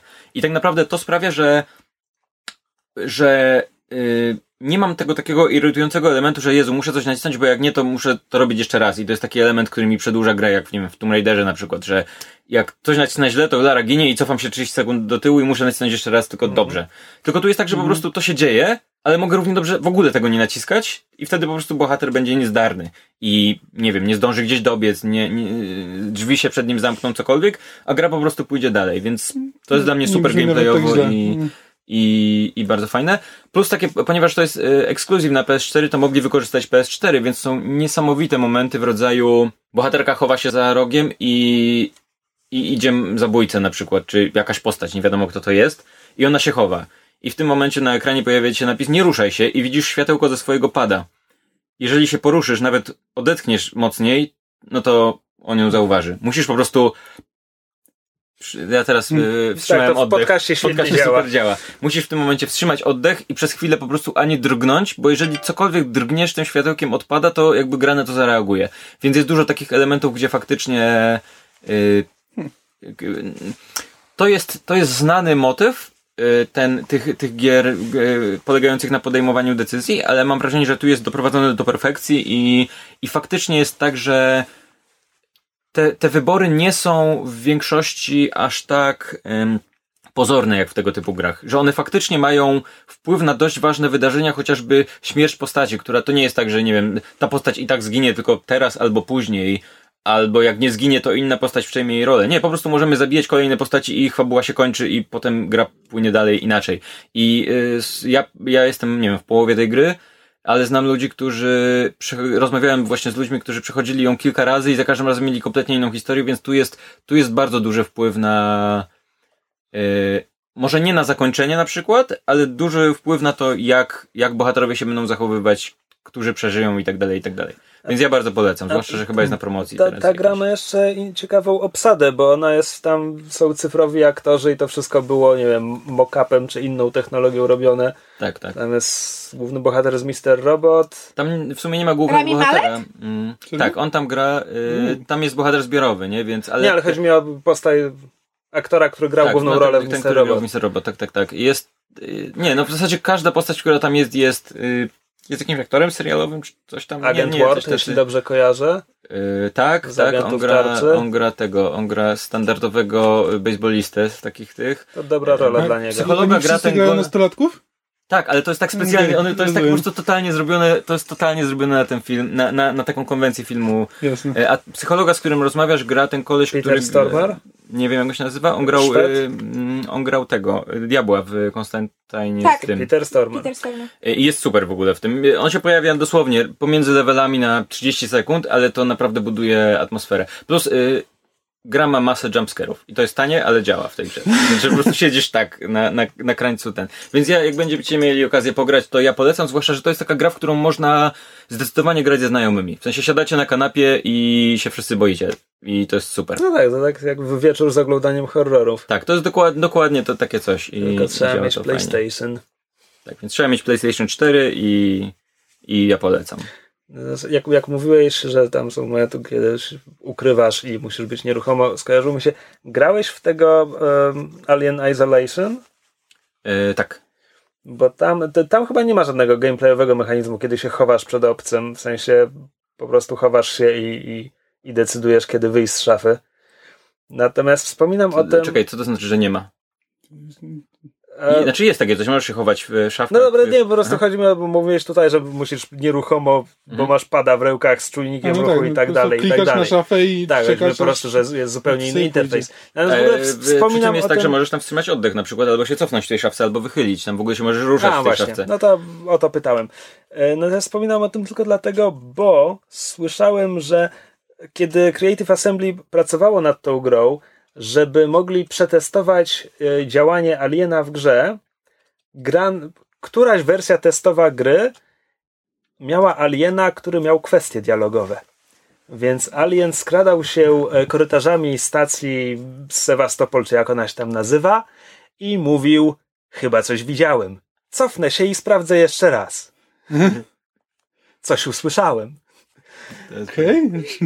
Ale Podejrzewam, że to Cze- mogło być czemu? nawet podpiąć, y, podpięte kwestie dialogowe z, tam są te roboty, które pojawiają się w tej grze Możliwe. i one chyba gadają, więc mogli po prostu podpiąć Alienowi kwestie dialogowe robotów po to, żeby dowiedzieć się, czy on dobrze reaguje. Tak? Ch- ch- Chodziło o to, czy wiesz, te, te jakieś tam wizualne wskazówki tego, co on zaraz zrobi, po, poprawnie przekazują to, co naprawdę ma zamiar zrobić, więc były kwestie dialogowe, żeby testerzy A, wiedzieli, dobra. Rozumiem. co, co, co Xenomorph ma w tym momencie robić. Wow. Natomiast tak, strasznie podoba mi się po prostu taka wizja takiej wersji gry. Ty w coś grałeś ostatnio? Miała być ten, to jest taka znana historia, że pierwszy, pierwszy Alien miał się kończyć chyba tym, że A, tak. on zże, zżera Ripley, a potem e, jej głosem porozumiewa się ze stacją, już będąc na statku. Że ten, że kiedy już Ripley ucieka, ucieka tym małym statkiem i wraca do bazy, to pojawia się, pojawia się alien, zżerają, a potem jej głosem e, rozmawia ze stacją. Chciałbym to zobaczyć. Chciałbym zobaczyć naprawdę aliena, który rusza ustami Tą, i tą małą paszczą. tą małą paszczą mówi, no. E, Czy to jest już moment, kiedy przechodzimy do Warcrafta? jak dla mnie możemy przejść do Warcrafta, bo ja mam bardzo niewiele. To ja się obudzę. Więc e, ściągnęliśmy tutaj Pawła, bo mieliśmy pogadać. Znaczy, zasadniczo pla, plan był taki, żeby ściągnąć tutaj e, z, z, Zombie vs. Zwierz całe. E, Ponieważ zarówno Paweł, jak i Kasia wyrażają się dość em, pozytywnie o Warcraftie, natomiast A my nasza tak trójka... raczej- To jest o tyle zaskakujące, że Kasia wyraża się bardziej pozytywnie ode mnie, mimo że to ja spędziłem 4,5 tysiąca godzin w Warcrafcie, tak? Więc okej. Liczyliśmy, że, liczyliśmy, że się tutaj e, interesująco pokłócimy, a niestety teraz Paweł został tylko na posterunku, więc teraz będzie nam głupio go męczyć w trzech na jednego. Tak, będziemy go gasić po prostu. E, tak, Straż pożarna. ale Więc może najpierw takie deklaracje światopoglądowe, to znaczy Paweł właśnie się przyznał, że 4000 godzin spędził w World of Warcraft. Kamil, ty ile grałeś i w co? E, ja grałem trochę w Warcrafta dwójkę, grałem trochę w Warcrafta trójkę, ale nigdy nie skończyłem i na, miałem przez miesiąc albo dwa abonament do WoWa w momencie, kiedy chyba wyszedł e, pierwszy dodatek do niego. Ale nie miałeś przyjaciół, więc ci się, ci się nie podobało. Tak, y, nie mam przyjaciół, dlatego ja nie mogę grać w Emmo. Ale nie, serio, bo to jakby je- Emmo mnie zupełnie ciągnął. Czy Emmo mnie tak naprawdę ciągnął wtedy, kiedy mogę w niej grać samemu? Bo nawet jak mam z kim grać, Jak to, sama nazwa wskazuje. to, to, nie, bo autentycznie nawet kiedy y, gram z kimś, to się czuję, że kurde, właściwie to ja bym sobie skończył, ale teraz gram z kimś, jestem w połowie, nie mogę teraz sobie pójść i czuję, że te, to nagle ta gra staje się dla mnie jakimś obowiązkiem, bo, bo są ludzie, którzy na mnie polegają w tej grze. Jakoś tak, nie wiem. Bo czy- jesteś, bo, ja bym o tym porozmawiał z kimś na twoim miejscu, bo masz jakiś e, problem z e, jakby e, swoją pozycją w społeczeństwie. Masz, masz problem, bo, bo ludzie od ciebie wymagają. tak. Ja jestem samotnikiem, mrukiem i prawdopodobnie już mnie bada FBI, czy... No dobra, zanim, zanim powiemy coś, co nie powinno paść na antenie. E, Myszu, czy mam cię pytać, czy grałaś kiedyś w Warcrafta? Nie, ale wiem, że w Warcraftie są duże pandy. Okej, tak. To, A- to jest prawda. A ja grałem e, dawno, dawno temu bardzo krótko w Warcrafta dwójkę i potem trochę dłużej w Warcrafta trójkę. I to w zasadzie jest cała moja wiedza o tych grach. I nagle pojawia się film. Znaczy mówię nagle, on był produkowano go od nie wiem ilu lat. Dziesięciu z hakiem. No właśnie. Więc nagle z zaskoczenia pojawia się film w kinach. Koprodukcja amerykańsko-chińska. Tak. E, nakręcony przez Duncana Jonesa, który zrobił Moon i Source Code i już to wszystko mówiliśmy w poprzednim odcinku, kiedy Kamil mówił o Warcra- Warcrafcie. A, no i ten film jest... On zebrał jakieś strasznie złe recenzje. Nawet parę przeczytałem, zanim, zanim tutaj przyszedłem. I tak trochę myślę, że trochę się pastwią nad tym filmem ci źli ludzie. E, Znaczy, to na pewno, jakby on absolutnie nie zasługuje na aż tak aż takie opinie od krytyków, jakie, No to jakie e, znaczy, ty, to jesteśmy na tym etapie, na którym e, już nie możemy się pokłócić teraz. Bo ja jakby jedyne, czego oczekuję, a z Myszą już wcześniej rozmawiałem, to jest to, że według mnie minimum dla tego filmu, jeżeli ktoś jakby nie, nie, nie chwyci tej konwencji, nie lubi Warcrafta, nie wiem, minimum, jaki, jaki można go ocenić, to jest, że jest okej, nie wzbudził To znaczy, Obojętny, mm, no. że jest oboj, jakby obojętność to jest. Ale oboj, obojętność to może we mnie. Czy obojętność można wzbudzić? E, ja reaguję obojętnie na film, którego nie bardzo mi się chce krytykować, natomiast nie bardzo się do niego przychylam No ale dobra, to pozytywnie. powiedz tak. Y, dobrze się bawiłeś na filmie, czy średnio, czy. Nie. To znaczy, mam momenty. Były, były momenty, kiedy czułem, że mógłbym polubić tych bohaterów. E, Ale czy bawiłeś się źle, czy to jest tak, że nie bawiłeś się dobrze, bo po prostu spędziłeś czas i. Byłem zdezorientowany przez pierwsze pół filmu regularnie. W drugiej połowie czy- też mi się zda. Wiesz co? Okej.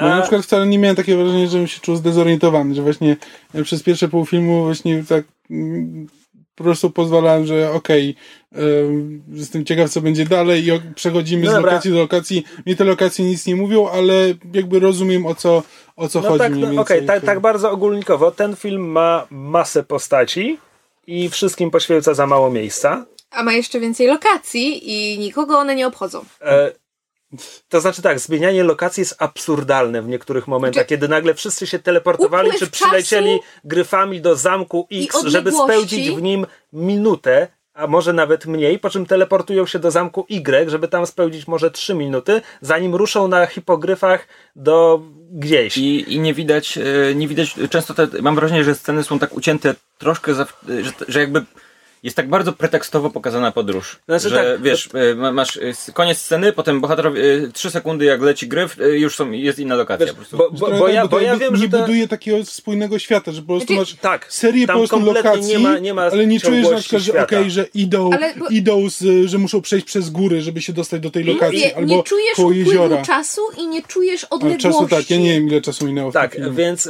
jasne, Władca Pierścieni musiał tak naprawdę jedną trzecią trylogii poświęcić na sceny podróżowania, żeby przekazać tę skalę, więc może Że idą. tutaj nie Ej, ma ej, miejsca a, na a to gdyby wszystko. poszli w growość totalnie i pokazali w e, filmie Warcraft taką mapę w stylu Indiana Jones, że po prostu oni są tu, tu, Mapa, O, mapa tak. w stylu Indiana Jonesa Tak. mi by Zwłaszcza, że taka mapa jest, pomogła. mapa jest w WoWie i myślę, że mogłoby nawet całkiem pasować do...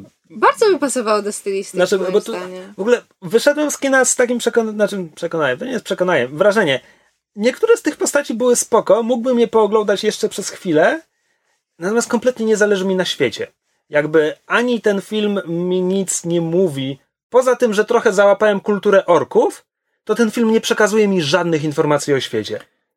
Żadnych. Znaczy, ja w ogóle mam, e, jak słuchałem waszego odcinka, to takie miałem poczucie, że e, Mówisz o odcinku Zombie E, vs. tak, Zwierz, który jest w całości o tym filmie. Tak, bo jakby dotarło do mnie, bo tam mówi, e, mówiliście, że e, ten film jest na tyle jakby inny i dziwny, że e, może być ciężko go właśnie złapać, jak ktoś jakby co, nie lubi tej konwencji. mm, I to, to nie jest kwestia tego, co, Mm. ja, jak wy oceniacie film, tylko to jest moja trochę interpretacja tych, tych takich skrajnie negatywnych recenzji. To znaczy, ja mam wrażenie, okej, to jest analogia, a nie porównanie, żeby nie było. Ja podkreślam od razu, bo ludzie często tak odbierają, że to jest troszkę jakby wziąć Pulp Fiction i próbować go oceniać, patrząc na y, jakby klasyczne metody oceniania filmów. No wyjdzie, że ten film jest jakby bez sensu. I mam wrażenie, że to jest, to jest, że Warcraft jest filmem, który jest tak mocno zakorzeniony w jakiejś konwencji, a takiego Warcraftowego przerysowanego fantazy, b takiej opowieści, legendy czy czegoś takiego, że jak się go jakby przyłoży do klasycznych, klasycznych metod oceniania filmu, to wyjdzie, że on jest bez sensu. Właśnie tutaj mam też, że y, to, to przerysowanie tego świata, ja mam wrażenie, że on właśnie nie jest przerysowany wystarczająco. Znaczy, ja grając na przykład teraz, uruchomiłem wczoraj, dosłownie uruchomiłem Warcrafta trójkę i przeszedłem tylko prolog. Czyli pierwsze dwie misje tutorialowe praktycznie. Ja już w prologu przy pierwszej, zanim w ogóle poznałem ludzi, to już walczyłem z gnolami, wal, walczyłem z leśnymi trollami i y, kamiennymi golemami. Natomiast w tym filmie mamy, mamy ludzi, mamy orków, widzimy dupę Morloka w jednym kadrze. Której większość ludzi prawdopodobnie nie zauważy. Tak, widzimy krasnoludy, siedz- krasnoludy i elfy Nie, siedzące przy stole Jeden sojuszu. krasnolud ma dwie kwestie. Tak, jeden krasnolud, który daje, daje pistolet i mówi, o, to masz pistolet. E, I ja tak bardzo bym chciał, żeby te elfy coś tam zrobiły, żeby one na przykład brały udział w tej walce. Ja rozumiem, że to by nie pasowało do fabuły, że jakby tych elfów w tej walce nie było w, w oryginale, ale wiesz, jak na przykład ganiają się po lesie orki z ludźmi, to ja bym chciał, żeby tam wypadły. Nagle, nagle wypadł znikąd po prostu Morlock i się Dobra, włączył do walki. Albo cokolwiek, to ja- żeby to ja- właśnie, ja żeby postaram pokazało mi jednak- ten świat, że tam jest więcej w tym świecie, nie tylko poprzez właśnie drobne szczególiki dla fanów, ale po prostu, żeby To one się ja pojawiły postaram się, postaram się y, jakby odpowiadać na to, bo mam wrażenie, że gdyby tam wyskoczył jeszcze gnoll nagle w tej walce, to to by już w ogóle nie miało sensu, a mam takie Tak, wrażenie, ale ja bym wtedy kochał ten film. Gdyby ten film nie miał Ale właśnie sensu, mam wrażenie, ja bym go tak, kochał. że, mam wrażenie, że to jest tak, że, te, że ten film właśnie pokazuje ci, że coś jest więcej w tym świecie, tylko on ci tego nie, nie wykorzystuje, to znaczy że no widzisz te elfy, widzisz krasnoludy, widzisz miasto krasnoludów, wiesz, że coś jest więcej w tym świecie, Tak, ale to jakby ja nie jest wiem, film o tylko, tym. że ja właśnie o to chodzi, że, czy, to, o to chodzi, że ja to wiedziałem już przed filmem. E, jakby idąc do kina, ja widziałem właśnie jak wygląda ten świat, wiedziałem jakie są tam rasy w tym filmie. E, No i chciałem je zobaczyć, no i jakby niewiele, niewiele z tego zobaczyłem. Nie no, wydaje mi się, że gdybyś, gdyby tam wsadzili wszystko, co jest w Warcraftie do jednego filmu, to by już w ogóle ja się nie wiem, tego wiem, oglądać. że to by, było, to by był kompletny chaos, ale na przykład ja sobie myślę, że ten film e, Warcraft powinien być Hobbitem, Hobbit powinien być Warcraftem. Bo jakby e, jak w Hobbicie mamy w walce tych pięciu armii, nagle pojawia się krasnolud na kozie albo na jakimś innym warchlaku, jakieś wielkie e, czerwie wychodzące znikąd, żeby się dołączyć do walki, e, elfy jadące na bojowych łosiach, to to jest dla mnie Warcraft. Oj, to jest daj, ten daj. Warcraftowi trzy filmy, to w trzecim to filmie chodzi, zobaczysz Gnola. ja, ja dlatego ja strasznie czekam na sequel te, tego Warcrafta, bo wiem, że będzie tam więcej. I Ja wiem, że, e, że, zobaczę więcej tego świata i że on wtedy będzie nabierze kolorów i będzie znacznie ciekawszy, bo w tym momencie on się skupia na tej walce ludzi z orkami, które ja już widziałem tysiące razy w fantazy. Właśnie y, to jest, to jest rzecz, o której y, Mysz chce coś powiedzieć, ale, ale ja ci jeszcze tylko Dobrze. ten. Y, Bo Wrócimy. dużo się powtarza o tym, że to jest, to jest klasyczne, ja to widziałem, tylko że to jest takie coś, mam wrażenie, że my na to tak patrzymy, bo my A, czytamy fantazy, B, gramy w gry. Nie, tak. Ej, powiedz jakby- mi, ile jest filmów, w których była walka ludzi z orkami i nie mów y, Lord of the Rings. Sz- Nie wiem, no ja myślę teraz o fantazji. wiesz, tu często się powtarza, że hej, to jest takie klasyczne fantazy, tylko że No nie ma tak, takiego nie, ja myślę o, wiesz, o. Warhammerze, o jakby o D&D, jakby myślę No bardziej rzeczywiście dla nie, o, nie o filmach.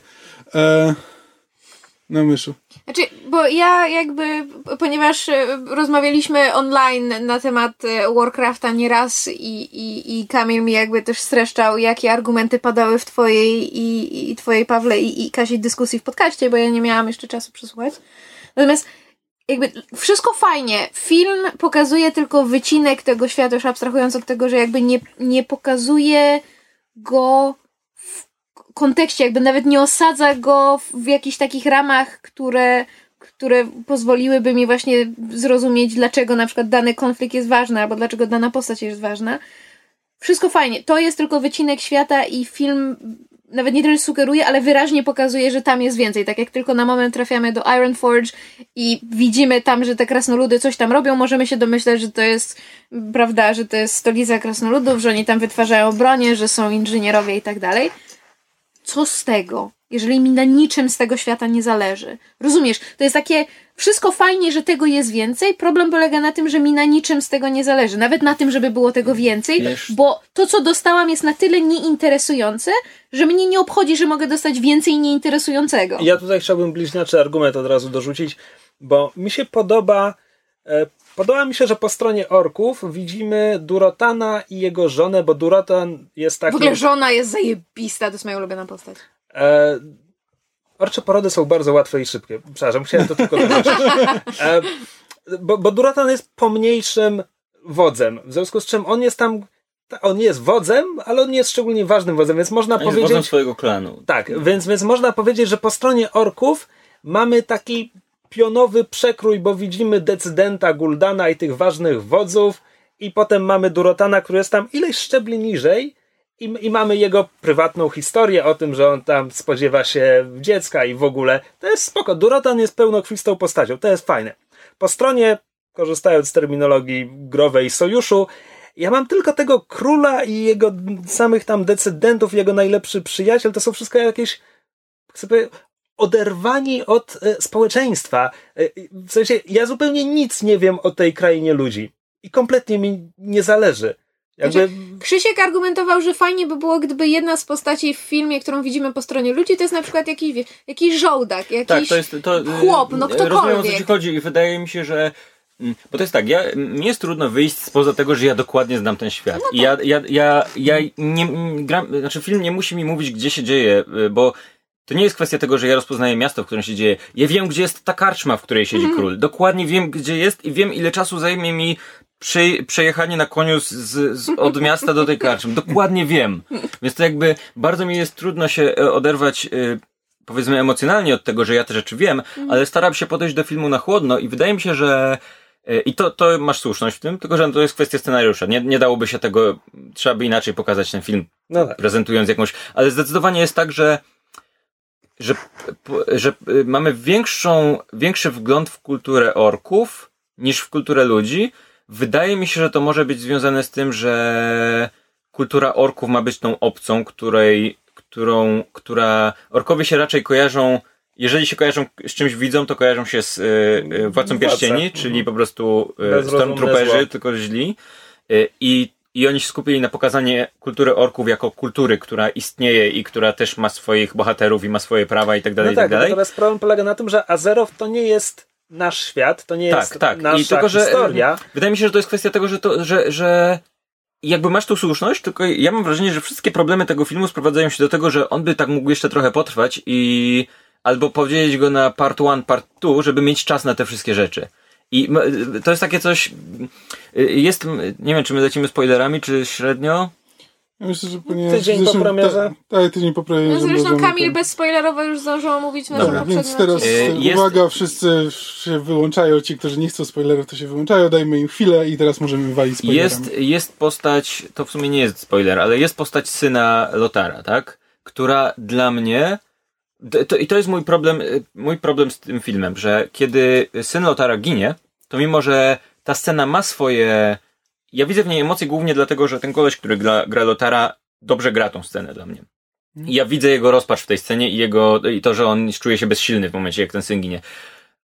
I ja racjonalnie rozumiem, dlaczego, że okej, zginął syn, on jest rozpaczony i tak dalej, i tak dalej, ale ja nie czuję, że mi jest żal tego syna, bo to jest postać, której ja nie miałem okazji poznać, bo on był, pojawił się w trzech dialogach. I podejrzewam, że, że dla widza, dla który, który nie grał w grę i dla których te postaci są zupełnie obce i nie mają żadnego związku emocjonalnego z tym, kim jest Khadgar, Medivh i tak dalej, i tak dalej, to będzie więcej takich postaci, których po prostu nie zdążysz ich na tyle polubić, żeby się przejmować nimi. I, i jedną z tych w cudzysłowie postaci jest cały świat.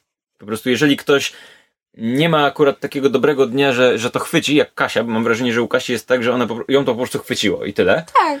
To jak, jak ktoś nie ma tak, to może nie zdążyć polubić tych postaci, a one zdążą na przykład poginąć pod koniec Ja- filmu, bo To dużo znaczy, postaci ginie. Ja, ja, ja mam wrażenie, że niechcący polubiłam tylko trzy postaci. Jedna to jest Draka, czyli właśnie żona Dorotana, bo po prostu fajnie jest zobaczyć, e, znaczy fajnie było zobaczyć kobietę w jakby równoprawnej relacji z mężczyzną w kulturze, która jest różna od ludzkiej, i, a poza tym jakby w, o, e, to jak, e, jak jest design orczyc, nie wiem jak to się odmienia, kobiet, orków jest, bardzo mi się podoba, bo one- Orek. o, orek. Orek. orek. Orek z Majorek. Em, jest po prostu, one są nie, nie są jakby klasycznie piękne, no bo prawda, mają te duże dłonie, mają duże przedramiona, ramiona są jakby bardziej krępe, ale, ale ty to kupujesz, jakby kupujesz całą, całą, tę, całą tę otoczkę.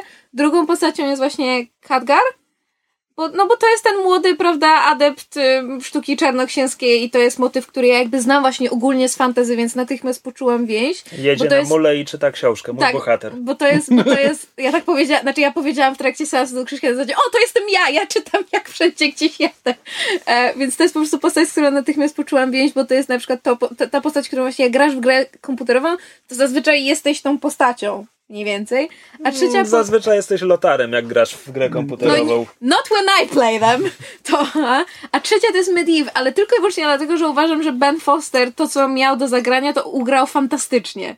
Po prostu. Znaczy, No ja i- nie wiem, ja, myśmy z Pawłem rozmawiali przed... To przed głębokie niezrozumienie scenariusza i pytanie, co się właściwie dzieje, co zrobiłem i czemu. No, biorąc pod uwagę, że Medivh ma mniej więcej takie em, przemyślenia w trakcie filmu, bo on nie wie, co się z nim dzieje, no to ja to To kupuję. jest, Ale ja y, chciałbym wiedzieć. Ja mam, ja mam problem z Medivem duży, dlatego że No tak, myśmy o tym E, rozmawiali że, przed nagraniem. e, Jakby, a, mam dwa problemy. Jeden problem to jest problem samego Mediva, to znaczy tego, że ta postać jest inna niż w, w grze. E, I ja nie mam nic do reinter- reinterpretowania postaci, absolutnie nic, tylko mnie ta interpretacja nie kupuje. Mediv był, w grze był, był stanowczy, był taki, nie wiem, patrzył na wszystkich z, z y, tym sokolim wzrokiem, czy jakkolwiek to nazwać, czy orlim wzrokiem. Y, i, i był, był stanowczy, charyzmatyczny i tak dalej, i tak dalej. A tu jest gość, który się kręci gdzieś tam i jest bardzo delikatny i znaczy sprawia wrażenie kogoś takiego, kto jest Kruchy, tak. kruchego, tak? Po, po każdym spacerze musi wyloadować w tej sadzawce. od- Tak. Plus druga, druga, druga rzecz jest taka, że film film uznaje jak, prawdopodobnie jak taka ten e, wiktoriańska, wiktoriańska kobieta. Jak tylko coś się, coś się wydarzy bardziej ekscytującego, to na tych. Mdleje O Jezu, mdleje.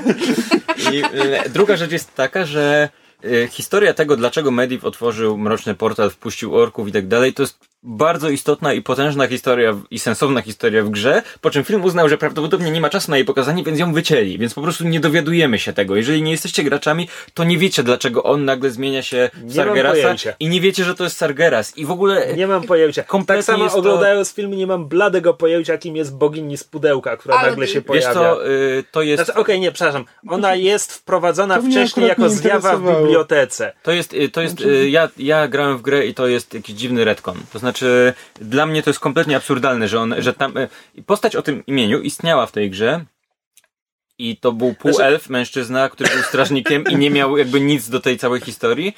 E, A, a co ciekawe, jest istotna post... e, Swoją drogą to jest Glenn Close. Tak. To jest potwierdzone info. E, e, Jest postać, która mogłaby się tam pojawić i jest to, gdy, gdyby Khadgar zobaczył wizję matki Mediva, która była poprzednią strażniczką i która będąc w ciąży z Medivem walczyła z wielkim demonem złym, który ostatkami sił wszedł w jej dziecko, jakkolwiek to może brzmieć To nie brzmi nieodpowiednio. dobrze.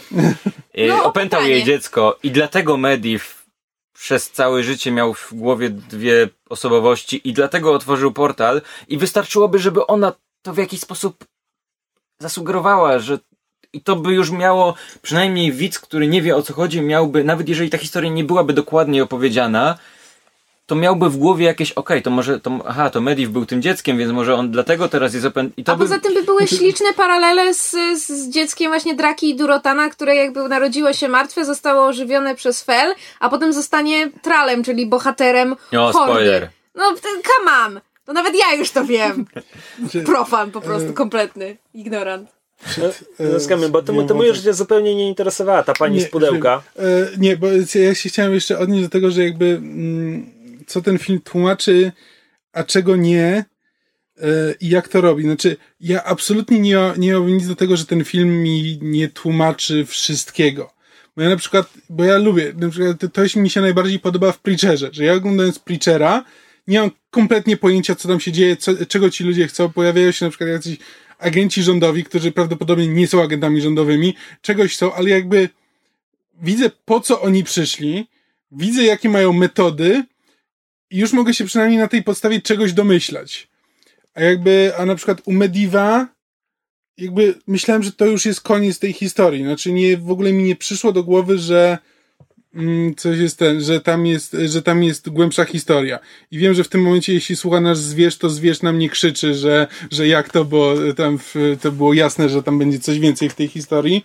Ale ja po wyjściu z kina w ogóle nie miałem takiego wrażenia. Znaczy, ja bym chciał jeszcze wrócić do pani z pudełka. Wiem, że na treutnie to robię.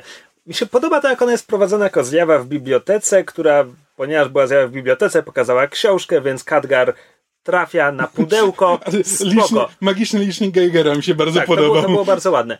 To, to jest, do tego momentu wszystko jest spoko. To, że ja nie wiem, kim jest pani z pudełka i o co chodzi, Ona to jest, nawet to jest największy McGuffin w historii filmu. to nawet nie jest dla mnie problem. Dla mnie problemem jest pudełko. to, że to wszystko jest w filmie tylko po to, żeby ona mogła przekazać Kadgarowi te dwa zdania o tym, jak to z ciemności może pojawić się światło, które w finale po, po, pozwolą mu pokonać Fel, jakby w takim revealu, jak. odkryciu na, na poziomie e, tego ostatniego japońskiego. Wolverina, który mówi o Burroughs.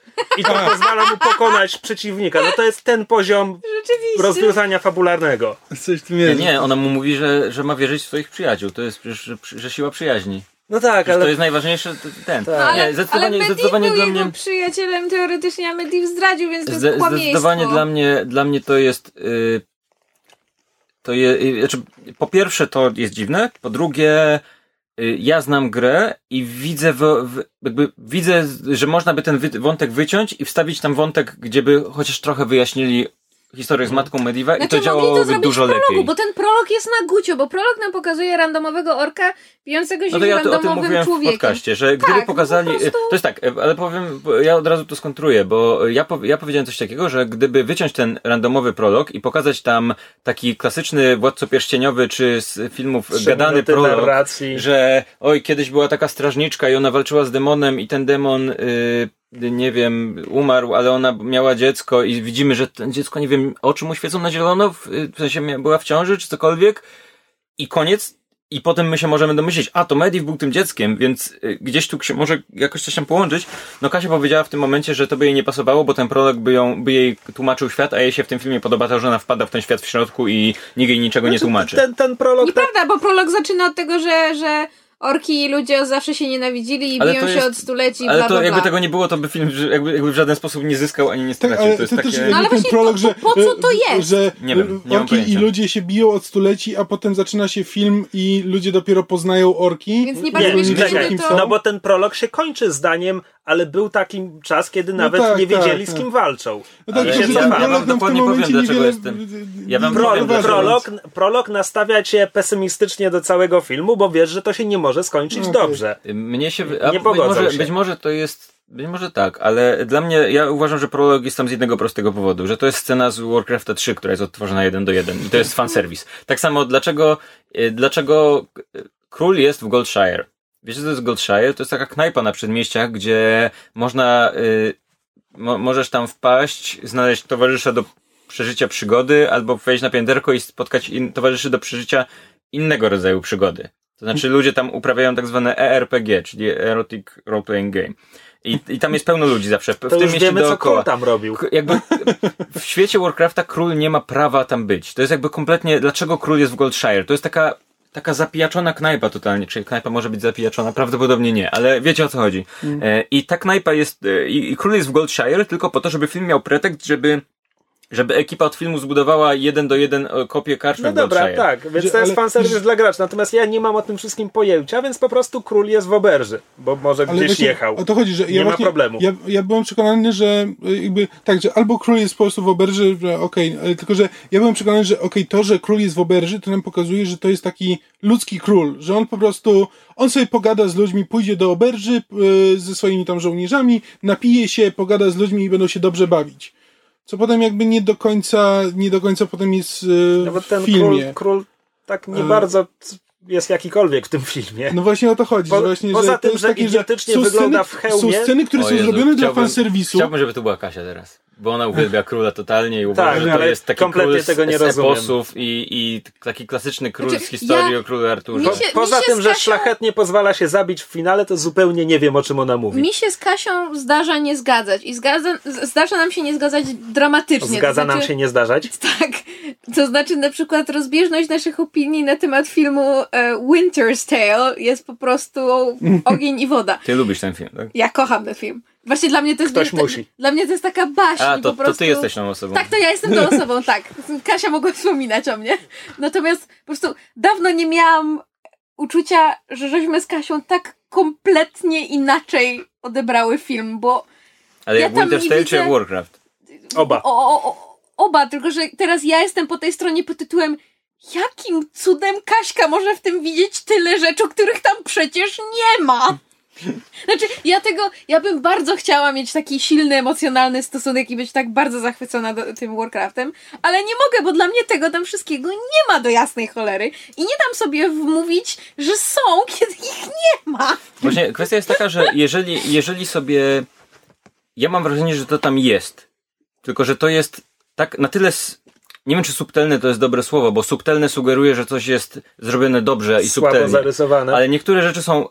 Niektóre rzeczy są subtelnie, a niektóre rzeczy są na tyle słabo zarysowane, że nie, jakby nie mam problemu z tym, że ktoś tych rzeczy nie dostrzega. Bo jak, to jest tak, że jakby tu siedziała Kaśka, to moglibyśmy wam o każdej rzeczy mówić, że jak to? Przecież to jest, bo ta, ta, ta i, scen, i ta scena to sugerują.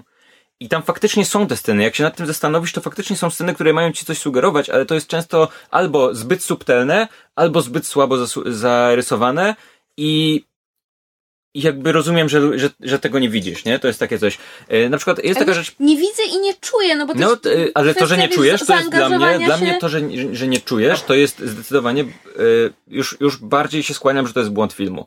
Właśnie Bo- a, propos, a propos tego zaangażowania. Podobają mi się orki w tym filmie, bo film ma czas dla orków. Ma czas na scenę, gdzie kumpel rzuca w Durotana żwirem i wspominają stracony Scena. świat. I to jest spoko. A po stronie ludzi, poza tym, że na pół minuty zatrzymują się przy ognisku i tam każdy ma dwa zdania, żeby przekazać swoją historię, to oni poza tym tylko biegają z lokacji do lokacji, z lokacji do lokacji i odhaczają questy. Pogadałem z tym królem, to teraz A ja lećmy nawet- tam, zróbmy nawet to. między synem, y, jakby synem Lotara i Lotarem, że jakby jak się pojawia tam, Lotar przychodzi i, tam, i się po raz pierwszy widzą w tej karczmie właśnie. To tylko on mówi synu. Że, tak, ta, że tam jest, ich, nawet nie wiem, że, y, y, że ta y, królowa mu pokazuje, że tam jest twój syn, on mówi, a tam jest mój syn. I ja takie to jest miałem takie, wrażenie, że wiesz- kurczę, czy on nie lubi tego syna, czy coś się między nimi stało. Ja to odebrałem właśnie na takiej zasadzie, że kurczę, on się w ogóle tym synem nie zainteresował, tylko poszedł od razu do królowej. Ale potem się okazuje, że ten syn, to, syn jak umiera, to jest właśnie dla niego... ja- ja chwilę, chwilę mi zajęło, że w ogóle się Nie, no zorientowali, takie- że jemu naprawdę zależy na tym synu. Ale, y, bo, bo to jest takie coś, on się z tym synem wita, po czym ma pretensje do królowej, że królowa go wezwała ra, razem z tym oddziałem, bo on w sumie się trochę zgodził na to, żeby syn był żołnierzem, ale nie bardzo chce, żeby ten syn był żołnierzem, tylko że to jest znowu, to jest takie coś, co podejrzewam, że jakbyście poszli na film drugi raz, to byście zauważyli więcej tych rzeczy, bo ja byłem dwa razy, bo drugi raz byłem z Dawidem z, z kanału Sfilmowani i film zrobił na mnie lepsze wrażenie przy drugim oglądaniu, bo za, za, zaczynałem zauważać więcej rzeczy, no bo wiadomo, ogląda się film drugi raz, już wiesz na czym polega, więc zwracasz uwagę na ten. I zauważyłem, że jest Wydaje mi się, że i nie wiem, czy to jest dobrze, czy źle, bo zwykle bym powiedział, że to jest dobrze, ale. Bo ja na przykład. To jest tak jak z tym wstępem, o którym mówiliśmy. Ja nie lubię, jak film daje mi. Bo to jest tanie. Taki na początku wstęp, który mówi, o, ten świat polega na tym i na tym, i narracja jest, i tak dalej, i tak dalej. To mnie denerwuje. Ale mam wrażenie, że w tym filmie pewne rzeczy by pasowały, chociażby to, że Yy, Ten film stara się mimo wszystko dość mocno unikać nachalnej ekspozycji, takiej, gdzie bohaterowie bardzo mocno tłumaczą świat. Okej, ta scena przy, ta scena przy ognisku jest ekspozycją, ale i tak wypada całkiem naturalnie. A jest bardzo dużo elementów w tym filmie, w których o, o bohaterach dowiadujemy się z jakichś takich drobnych rzeczy, z, z całkiem naturalnych dialogów. Tak, I... natomiast tam czasami jest ekspozycja, która wyjaśnia mi kompletnie niepotrzebne rzeczy. Bo ja się na przykład z tego filmu dowiedziałem, że tylko król może przyzwać strażnika, co jest powtarzane chyba ze dwa razy, nie ma żadnego znaczenia dla filmu. Bo film ci nie tłumaczy, kim jest strażnik w ogóle. Tak, Poza tym, że co możesz wyciągnąć z nazwy ogóle, strażnik. po, poza tym, że strażnik jest silnym magiem, ja kompletnie nie, wy, nie wyciągam z tego filmu informacji, że on jest tam jakąś unikalną jednostką na cały ten świat, czy cokolwiek. Co potem jest problemem, kiedy K- Khadgar jedzie do swojej szkoły dla magów i ci magowie nic nie robią w tym filmie. Tam, tam są całe zastępy magów, które nie idą do, na wojnę i, i, i nic nie robią. Oni nic nie robią. Co oni... To jest, Czym oni się bo oni mogli spokojnie na tą wojnę iść i to byłoby nawet zgodne Właśnie, z, z tym. e, e, tego mi też brakowało, bo wtedy to by była, wiesz, właśnie w tej wojnie mielibyśmy nie tylko ludzi, orki, mie- mielibyśmy tych magów, moglibyśmy trochę ich bardziej zobaczyć. Szczególnie, Ale że ja z okej. Warcrafta to pamiętam, Inaczej, że no miałem dobra, ale- jednostki właśnie w Ale armii okej, złożone teraz z- rzucam z drugiej strony. To ale- nie była wojna, to było szybkie zebranie żołnierzy i pójście, żeby wykorzystać okazję, że klan Dorotana będzie atakował portal. No ale, Oni tam posz- ale ta poszli na wojna szybko. trochę trwała. Ja No nie dobra, wiem ale ile, bo nie ten chcieli- film mi tego nie Tak, mówi, ale ale, oni- jeśli w pierw, przepraszam, jeśli w drugiej scenie główny bohater dostaje pistolet i pierwszy raz widzi broń palną, a w finale regularna armia e, korzysta Tak, z broni tak, tak. palnej, Tylko, to że minęły my- miesiące? Tak, Tak, tylko, że, bo to, tylko, tam jest że... ta scena, w której nam pokazują te obozy orków. I ja mam wrażenie, że ta scena miała nam pokazywać upływ czasu, tylko że trochę, że Nie, to miało być jest że właśnie, wiesz, że to jest, jest ten postępujący No, bo, bo, bo ci orkowie podbijają kolejne Tak, tereny. że to nie jest tak, że on pokazuje po prostu, że teraz Tak, oni ale- są w tych miejscach, tylko że to są kolejne jest, miejsca, które jest oni podbijają. powiedziane, jest powiedziane, że y, Khadgar chce nie Khadgar, y, Anduin chce y, wysłać y, Przepraszam, Anduin to jest jego imię, Lothar, tak, nazwisko, imię. czy... imię, Anduin Lothar. Lothar to jego nazwisko? Tak. Okej, kolejna E, rzecz, której zupełnie nie załapałem. Y, bo nie pojawia się Anduin, jest pojawiony jako Lothar. Pokazuje Nieprawda. Król o nim Król mówi za per trzy razy Anduin. mówi A do może. niego per I- I, Anduin. I wtedy mimo, się że- dziwiłem. Mimo, że wcześniej zwracał się do niego per chyba Lotar, więc W każdym tak razie on, on przychodzi i mówi, powinniśmy wziąć, zebrać całą armię i zaatakować, y, zaatakować portal, bo więcej orków nie przyjdzie. Król mówi, nie mamy armii, bo armia chodzi po świecie i broni się przed tymi małymi oddziałami orków. I w tym momencie pojawia się Medivh, który mówi, hej, mam to wszystko pod kontrolą, bo gadałem z Durotanem, co jest oczywiście nieprawdą, i oni zaatakują, więc my tam tylko przyjdziemy z małym oddziałem i on im nawet mówi, weź tylko tam y, ten, no bo to ma być pułapka, tak? Więc to dla mnie wyjaśnia, dlaczego król nie zbierał w tym momencie armii, tylko zebrał oddziały tylko po to, żeby się tam upewnić, że Frostwolfy, czyli klan Dorotana, to wszystko załatwi. I potem się okazuje, że to jest pułapka. I to wynika z tego dialogu, dlaczego tam nie ma całej armii. I to jest, no wiecie, armia prawdopodobnie będzie w Warcraft środek, jeżeli taki film powstanie. Nie, no, tak, tak. Tylko ja nie mówiłem o armii, tylko o czarodziejach, No jakby, którzy są gdzieś poza kadrem przez trzy czwarte filmu i robią nie wiem co. ale to by, bycie poza kadrem y, y, jest typowe dla czarodziejów w tym świecie z drugiej strony, No, nie? tak. Natomiast, y, bo to są takie właśnie jakby problemy duże, ogólne, holistyczne z tym, jak ten film przekazuje pewne informacje albo i nie. A tam były też takie sceny, krótkie sceny, gdzie ja się kompletnie gubiłem w toku akcji. I nie wiem, czy to była kwestia montażu, czy ja byłem głupi, czy, czy kichnąłem i przegapiłem? 3 sekundy. Na przykład, kiedy Durotan uwalnia, chciałem powiedzieć Gamorę, e, Nie, ten sam błąd robi. Garonę. Garonę. Garonę, właśnie. E, Gamora, Garota, g- tak. E, on, Gangrena. bo, bo Durotan wtedy już ucieka z tej przegranej potyczki z ludźmi i trafia na nią gdzieś dalej, ale ona też jest przy martwym orku i ja nie, wiem. Nie, nie. Oni, y, oni zebrali oddział i poszli, to było, jest przed... Z jakiej? Aha, nie, tak, oni przyszli L- Ludzie swoim... odparli zasadzkę orków. Tak, ale Durotan potem ucieka. oni się zebrali i poszli. y, Durotan uciekł do swoich po prostu. I po drodze uwalnia... Nie. Tak, Nie, nie, nie, nie. nie. Tak. Tak. tak, Nie, nie. tak. tak. On- Ona potem mówi, że Durotan mnie uratował. A, okej, o tym mówisz. To Tak, jak w ona. lesie. Tak, myślałem, Tak. że potem jak ten, jak się z nim umawia. No Nie, no tak, tak, no i no- okej. Nie, no i, bo, i chodzi mi o to, że ja kompletnie nie wiem, no bo ona nie brała udziału w zasadce. Ona była tam z nimi jako zwierzątko y, i tłumacz. Tak, tylko no. że, że jakby, bo to jest tak, że główna grupa orków, która zaatakowała ludzi i którą usmażył Medivh, Właśnie chodzi mi o to, że tam jest jakiś martwy ork Durotan ucieka zupełnie w okolicy. Martwy ork z Garoną. i Durotan ucieka na swoim tam, na wilku, na koniu, no nieważne. Wilki, skąd oni mają inteligentne wilki? Nie, nie przyszli ze swojego świata, zauważyłbym. Znaczy, nie pokazali, że przychodzą przez wrota, więc to we have to assume. Natomiast A. Durotan wsiada na tego swojego wilka i widać, że odjeżdża spory kawałek i tam ten spory kawałek dalej trafia na jednego martwego znikąd orka z Garoną, Musiałbym którą to, uwalnia. wiesz to musiałbym spojrzeć na Oczywiście to. to jest ten brak odległości i Wiesz czasu. to, no, y, to był, o, to był, ona była przywiązana do orka, który ją prowadził i który zmarł sobie, bo Medivh go spalił. Y, Ale y, ja musiałbym to zobaczyć po prostu drugi raz, bo na przykład chociażby to, że on nie wsiada na wilka wcale. On nie ma wilka, on wsiada na konia, który stał sobie i No, potem z nim konia- jedzie trzymając go za głowę, co jest Konia, bardzo fajne. konia, wilka, no nieważne, wsiada na Nie, ale- wierzchowca i potem dalej znajduje tą Garonę, ją Być uwalnia. może Jakby być- bez, bez trudno im powiedzieć, inna no. taka scena to jest, kiedy Khadgar i Lotar wpadają do Medifa już jak wiedzą, że on jest zły i trzeba go powstrzymać. I Medivh ich pokonuje. Łatwo tam, I potem jednym oni gestem. się nagle I są potem gdzieś oni siedzą. nagle są przyczajeni za tą ogromną figurą. Tylko, że- Ja w ogóle jak ta scena się zaczęła, myślałem, że oni siedzą w klatkach. I potem, kiedy zaczęli przewracać figurę, czy co oni tam właściwie robili, jakby Tak, tak, kompletnie nie rozumiałem, co walczyć, się po czym dzieje. przez, przestał się interesować i oni się... Racja, tylko że y, ja mam wrażenie, że Tam to potem znowu jeszcze są po drodze elementy... Lotar zgubił buty. Nie wiem czemu. Mm, r- Nie wiesz dlaczego Lotar zgubił buty? To Bo było on wpadł bardzo... w glinie, w glinę tego Jak obciął golema. głowę golema, to, to, to, to on się tam trzymał był w niego ten i wyciągnął nogi z butami. To jest Aha, bardzo okej. ten. Było widać, Ja tak. wiem, że Wydaje mi się, wiem, że... że... było widać, że on gubi buty, po prostu kompletnie nie rozumiałem Tylko, że czemu. zobaczcie, wszystkie rzeczy, wszystkie problemy, z którymi rozmawiałem, według mnie, o których rozmawiamy, według mnie załatwiłoby to, gdyby ten film był trochę dłuższy.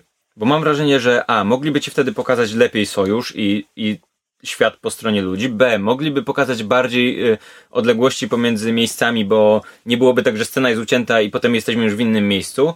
Mam wrażenie, że większość tych problemów dałoby się załatwić, dodając filmowi trochę czasu na pokazanie tych rzeczy. To, to nie chodzi tylko o dodanie dodatkowych scen, dodanie dodatkowych. E, Ja bym też chciał, żeby scenariusz trochę przepisać, żeby, żeby bardziej się skupił na mniejszej liczbie postaci. Król nie musi być postacią w tym filmie. Jakby on i tak nic nie robi, a widzimy go za często, biorąc pod uwagę, jak, jak bardzo nic nie robi. Tego typu rzeczy, tak? Przerwa. I'm sorry. Ja myślałem, że ktoś coś bardzo... Ja bardzo też tak, ja już tak czekałem, kurde, ja co tak ona myślałem, powie, co ona powie, co to będzie? To będzie niesamowite. Mówię się scenariuszu. Tak, mówiliśmy, że, że czas, że brak, że za, za krótki film to jest nie wszystko i że jeszcze masz problemy ze scenariuszem.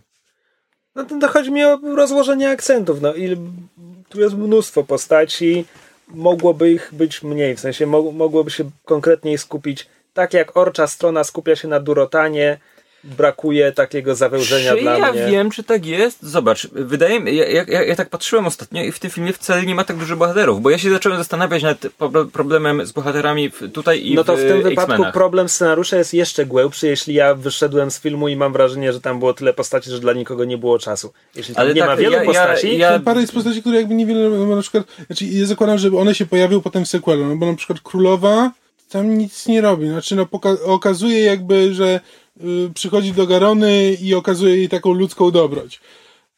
Ale to właściwie jest cała jej rola, a jednak sporo, Ale, sporo e, tej królowej co, poświęcamy dla mnie, czasu. Dla mnie to działa tak, że w tym filmie są, są bohaterowie zbiorowi pod tytułem Horda i Sojusz. I dla mnie to są przedstawiciele kilku różnych grup po obu stronach. Być może nie wszystkich, bo być może przydałby się faktycznie człowiek z ludu po dobra, stronie ale, Sojuszu. ale z kolei Horda to masz, masz Durotana, jego żonę, jego kumpla, którego imienia nie pamiętam i Guldana. Są cztery postaci. No to, i jest Black Hand jeszcze, który jest yy, tam nie ma wodzem. roli, to, to nie jest rola. No, No to, to, jest to, zły ale on ma taką samą rolę jak król. No, jest złym orkiem i jest przy, wodzem No tak, wojowników tylko w Hordzie. na, no na i króla jakby... marnują jeszcze więcej czasu No ekranowego. nie, on ma, ja bym powiedział, że to jest podobny czas y, ekranowy. Zabija syna Lotara, no, no jest, cały czas jest, przez cały film się przewija i jakby ostatnia walka jest z nim.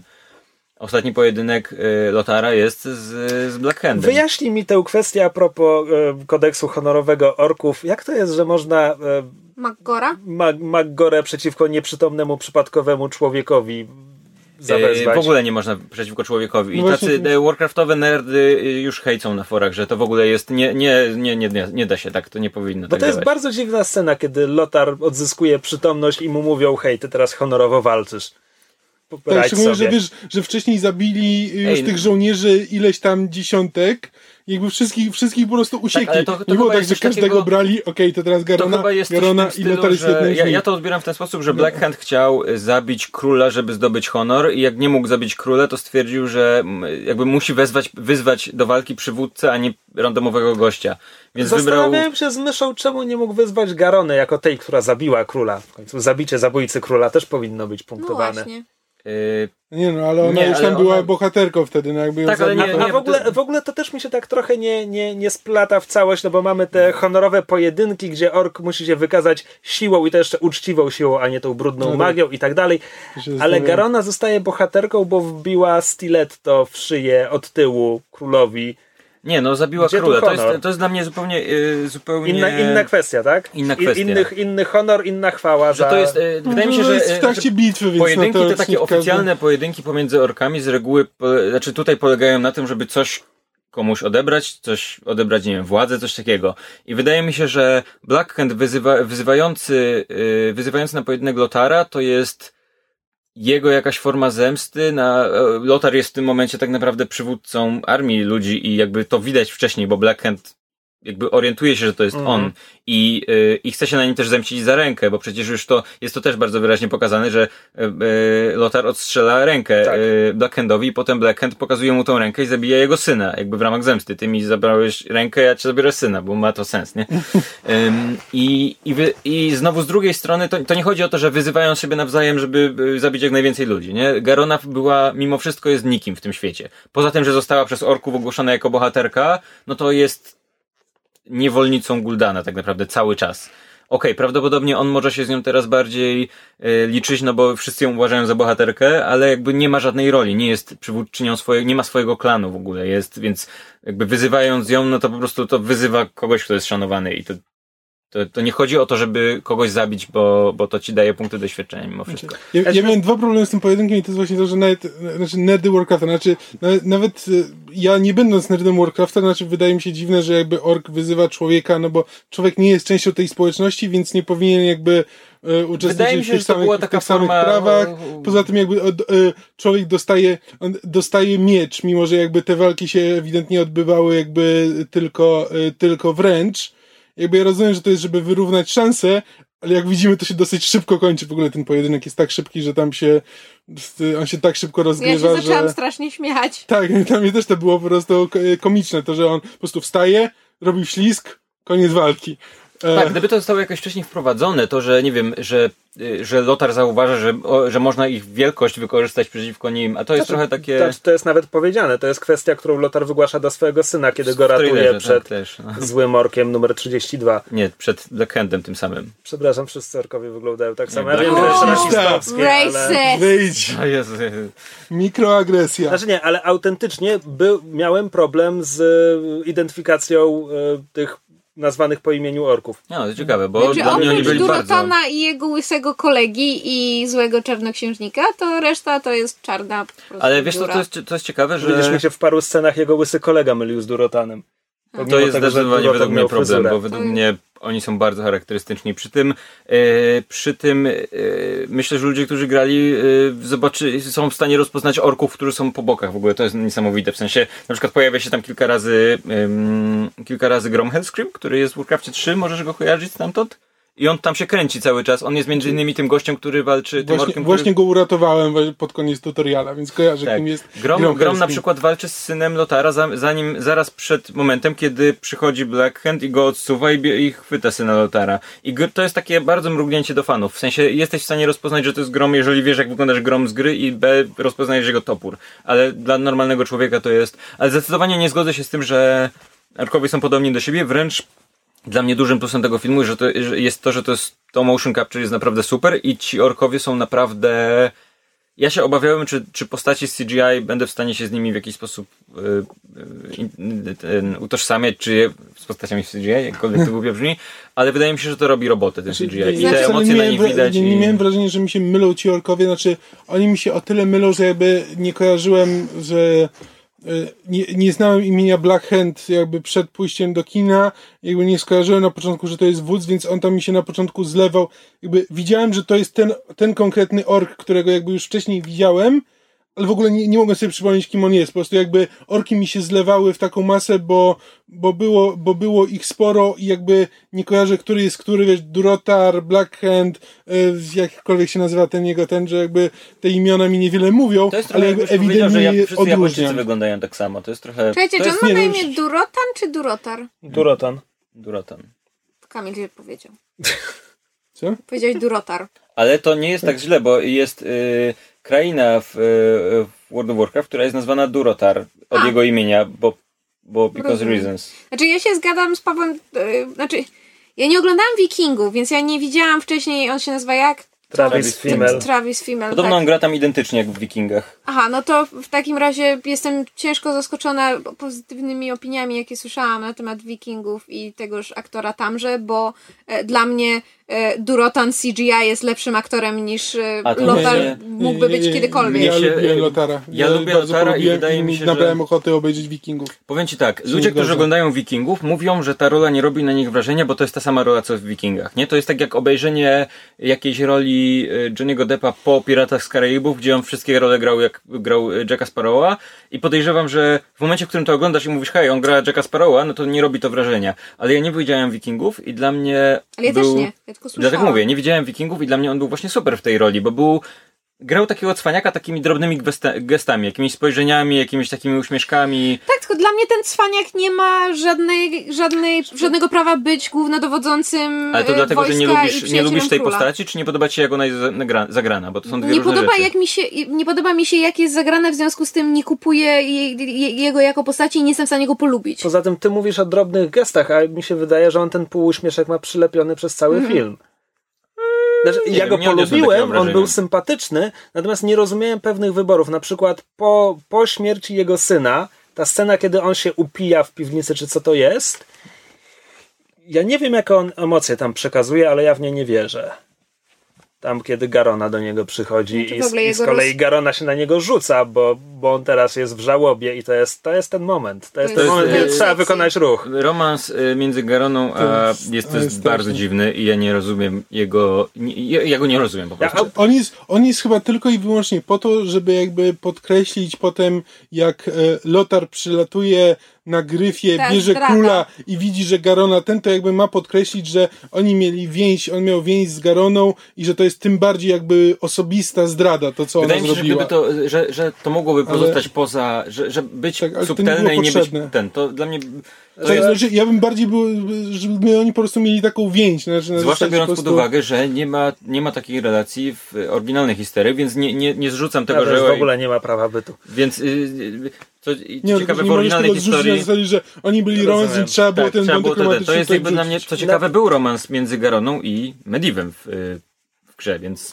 A widzisz, bo ja po pierwszej połowie filmu w ogóle zacząłem obstawiać, że coś będzie między Garoną i Khadgarem, bo tam To ciekawe, bo ja z kolei myślałam, że będzie coś między Garoną a królem.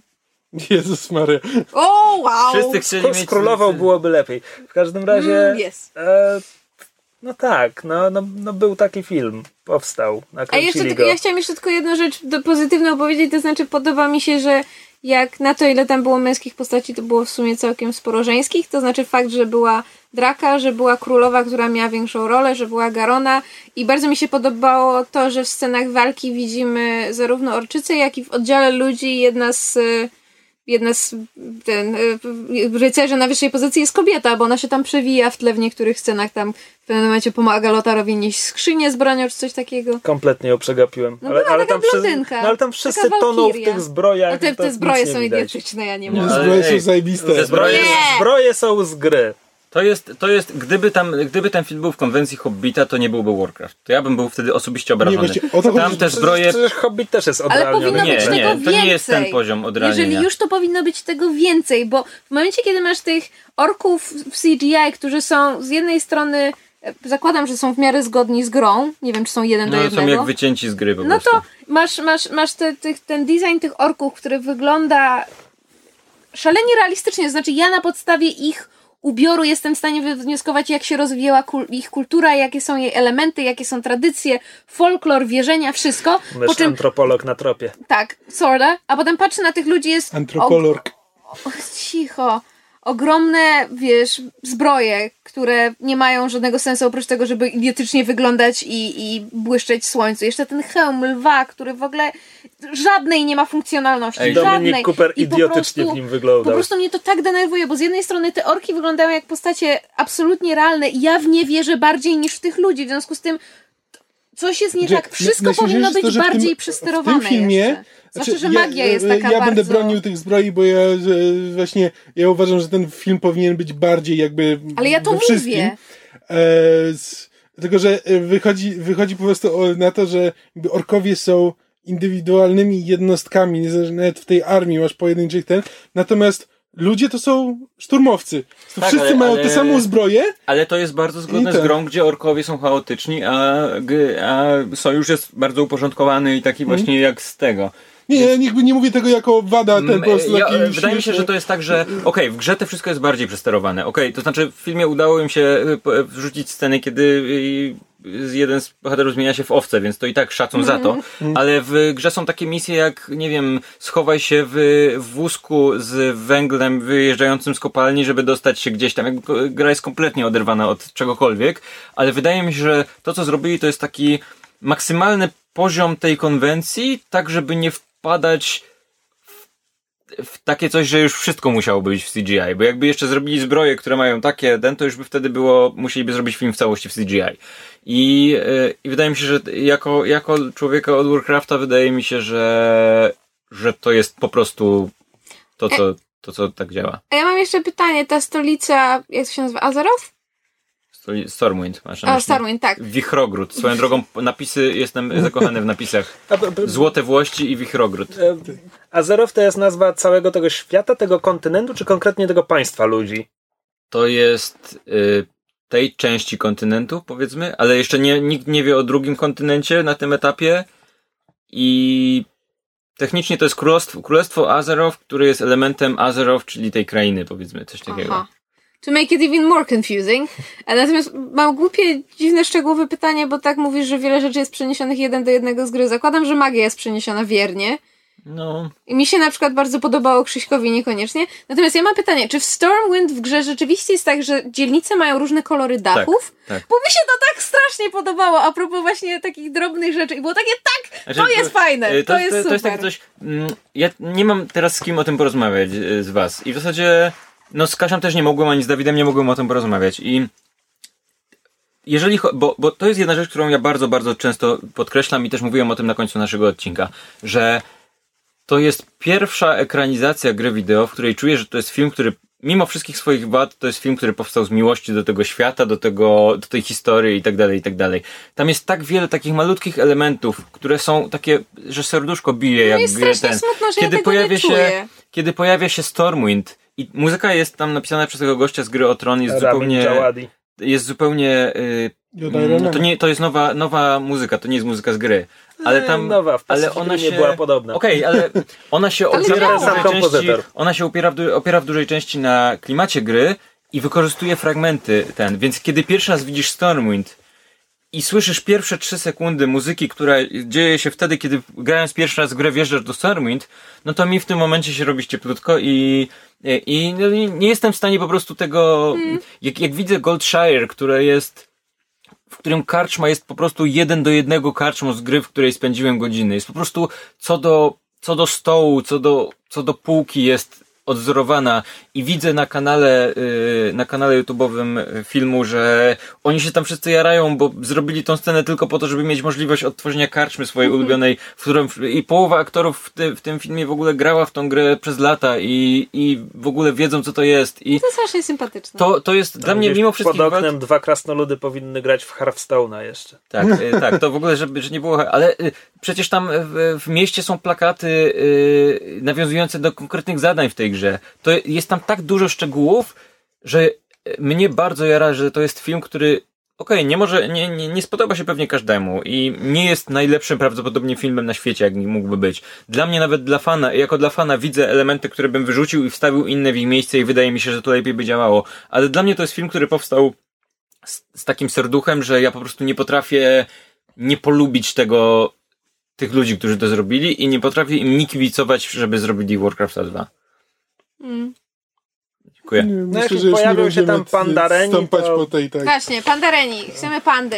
Ja To chcę tak, pandy. ja podejrzewam, że jeżeli to jest Warcraft początek, to może się to pojawiać w, pojawić w Warcraft Skończyły nam się druga, pomysły. druga część y, końca. Hmm. Warcraft koniec, Poczo- początek czwarty końca. epizod. Początek końca, tak, coś takiego. Ej, Warcraft, pandy, bojowej. Ja tym sam pomyślałam. Tak, pandy jako Warcraft początek końca to, to byłoby idealnie odzorowane po prostu. Yy, Okej. No tak, i tym, e, tym Znaczy, akcentem pozytywnym Wygląda na to, że należy nie? iść na tego Warcrafta, bo ile ludzi, tyle opinii i nawet nie jestem w stanie, że to nie jest tak, że to jest film dla fanów, bo nie tylko fanom się podoba. I też nie tylko nie fanom się nie podoba, znaczy są No też ktoś ludzie, im którzy... powiedział. Nie no właśnie o to chodzi, że ja nie jestem w stanie, przynajmniej przy, m, przy Batman vs Superman byłem w stanie stwierdzić mniej więcej, y, jeśli lubisz taki rodzaj filmów, to idź na Batman i Superman, y, v Superman. Przy Warcraftie nie jestem w stanie w tym momencie stwierdzić, komu jestem w stanie ten film polecić, a komu odradzić. Znaczy, nie, nie mogę znaleźć żadnego wspólnego mianownika. Mam wrażenie, że to Ale jest może tak, to albo cię, dobrze. chwy- albo cię chwyci, albo cię nie chwyci. Tak, I to tak. jest takie. Ale, ale zdecydowanie powiedziałbym, że to nie jest film, który zasługuje na Nie, na pe- 20% na, Na pewno nie. Rotenie. A przy tym bardzo czekam na sequel, więc idźcie na ten film tylko po to, żeby zarobił też i w, na zachodzie odpowiednio Chińczycy, dużo. Chińczycy już się tym No ja zajęli. wiem, że Chińczycy się tym zajęli, ale też dobrze, żeby jednak w tym box office jakby w zachodnim też coś zebrał. Znaczy to mi jest po tym odcinku, po tym co Paweł powiedział, tylko i wyłącznie smutno, że ja tego wszystkiego nie czuję. I teraz mam bardzo kluczowe pytanie, czy na moim laptopie pójdzie Warcraft 1 i czy powinnam grać Znaczy, od jedynki, czekaj, czy, mam, czy mam iść, zaczynać od... Warcrafty 1, 2, 3 to są strategie. So? Znaczy- I know I'm a woman, but fuck you! Nie, ale co? Znaczy, nie, gry strategiczne Jedyn, nie są dla dziewczyn. jedynka jest z którego roku? 90. Trzeci? Co, 94? coś w tym stylu. No to bardzo Więc ona moje pójdzie na kalkulatorze. E, Dwójka też. Dwójka, dwójka, też. tak, też. E, trójka, Pójdzie na ono takim lepszym pójdzie, kalkulatorze. Tak, Nie, pójdzie sorry, na... trójka pójdzie na wszystkim, co obecne systemy operacyjne utrzymuje. E, wiesz co? Mm, gdybyś chciała w coś pograć i nie chciała poświęcić 4,5 tysiąca godzin. Znaczy, nie, nie, nie, nie bardzo mogę, bo mamy za słaby internet na no okej, e, zacznij. To, to ja bym na twoim miejscu poszedł w Warcrafta 3. Dlatego, że Warcraft 3 dzieje się dużo później niż jedynka i dwójka i jest dużo ciekawszy tutorial. narracyjnie i, i, i, i fajniej opowiada tą historię. Plus jest tam taka bardzo fajna historia z Artasem i no spoilers, ale Wydaje mi się, że- Artasa jest spoko, to nawet znam. wydaje mi się, że to jest te, tak, wszyscy chcą ją, wszyscy w tym filmie chcą ją zekranizować i to jest tak mówią, chcemy tylko zarobić tyle, żeby móc zekranizować Artasa później. E, I e, i wydaje mi się, że to jest taki fajny start, gdzie można polubić e, ten świat, Mhm. pozna, poznać go od tej strony. No i To pod jest- względem rozgrywki to jest fajna gra. Warcraft drugi to jednak tak... Te pierwsze No, RTS zestarzał to one się, nie, nie? No, były specjalnie. Dru, drugi to jest super. taki standardowy RTS, że no masz... Jak masz Duna. No tak, znaczy jest jak dwie takie same strony, jedynka, jakby to jest to w, tru- w trójce już są to mniej więcej to, co, to na czym też StarCraft wyrósł, że jakby masz większą, większe różnice między poszczególnymi armiami. bohaterów. Masz w trójce różnicę po przede pierwsze, bo. Tak. bo w dwójce y, obie strony miały swoje odpowiedniki każdej jednostki, nie? I, nie, nie, nie pamiętam aż tak dokładnie, ale... Z, zindywidualizowanych bohaterów z ich umiejętnościami, No to też ich prawda. charakterami i tak dalej. Właśnie dlatego ja bardzo, bardzo nabrałem ochoty, żeby zagrać tą trójkę. Może Czy- nawet do WoWa kiedyś spróbuję usiąść jeszcze. E, tak, więc y, wniosek z dzisiejszego odcinka jest taki, że y, pójdźcie na Warcrafta, żeby sami ocenić, czy wam się podoba, czy nie i dać mu zarobić, bo Kamil chce sequel, Paweł też chce sequel, a natomiast Ja mam jeżeli... jeszcze takie bez, bezduszne podsumowanie, no bo mówisz, że doceniasz ten film, bo tyle miłości ci wszyscy ludzie w to włożyli i tak dalej. I okej, prawda, ale, ale ostateczny rezultat jakby podobał mi się mniej więcej tak samo jak filmowy Prince of Persia, w którego nikt żadnej miłości, nikt nie kochał tego filmu. Ja się bardzo dobrze na nim bawiłam, lepiej niż na Warcrafcie. A, lepiej nawet, no Tak. widzisz. No i to, to, i to jest smutne, że można włożyć w tyle miłości i Y, Trudno mi to ocenić z perspektywy osoby, która zna Warcrafta, ale wydaje mi się, że mimo wszystko to jest zupełnie, mimo wszystko inny poziom. Prince of Persia był takim filmem, który oglądasz, dobrze się bawisz, bo ja się też nieźle bawiłem i wychodzisz i jakby on nic więcej ze sobą nie niesie. Mam wrażenie, że Warcraft mimo wszystkich swoich wad jest obietnicą tego, że jest tam coś więcej i jeżeli dasz im kredyt zaufania, to oni to sequel coś Warcrafta więcej mogą będzie ciekawszy pokazać. od sequela Prince of Persia. Tak, zdecydowanie. I, i... nie, co, coś to musi być, no bo jednak z jakiegoś powodu tego Warcrafta trójkę zainstalowałem. Ja by autentycznie jakby od momentu filmu, nawet jeśli film mi się jako, jako film nie spinał, to jednak rozbudził we mnie jakąś taką e, chęć poznania, e, poznania bardziej tego świata. Znaczy zainteresował, zainteresował mnie No świat. bo zobaczcie, to jest tak. My...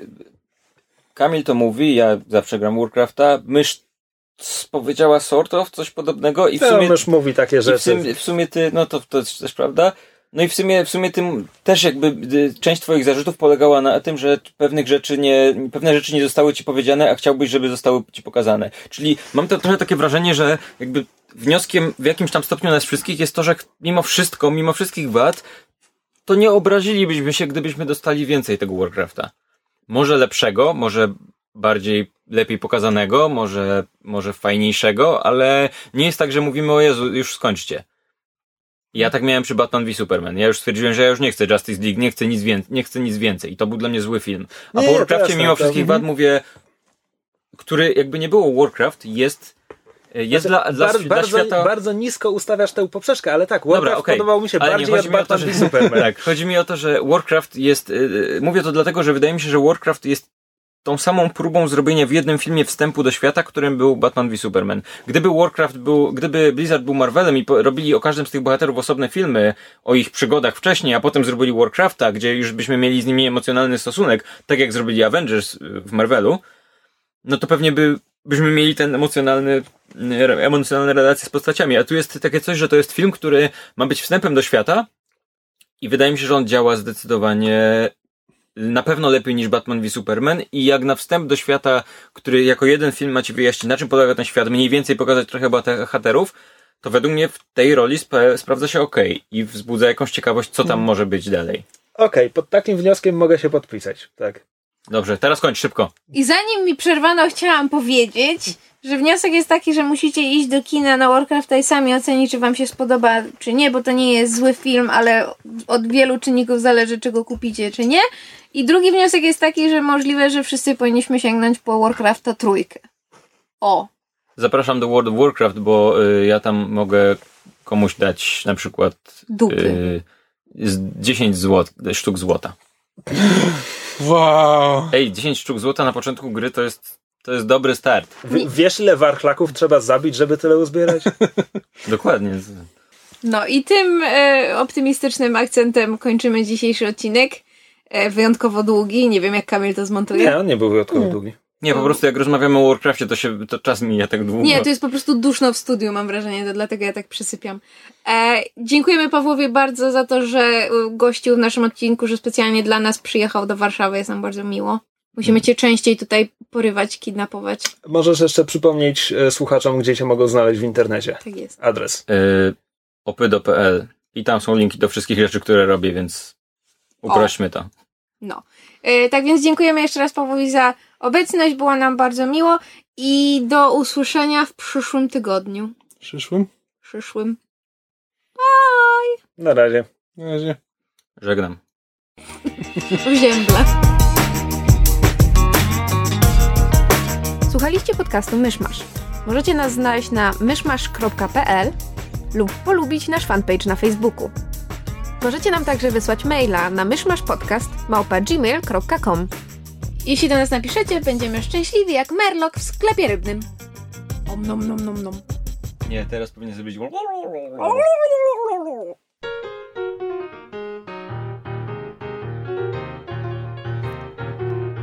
Opydo to troll, opydo to troll, co wzrokiem poraża i miną tak złą, że nawet zuch przestraszyć może się. Opydo, opydo to troll.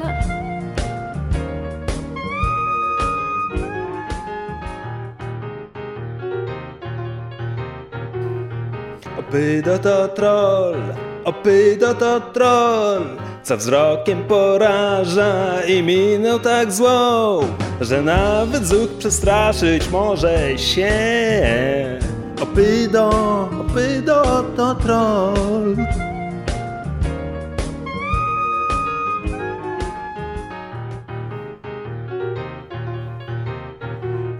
Opyda to troll, opyda to troll, co wzrokiem poraża i miną tak złą, że nawet zuch przestraszyć może się.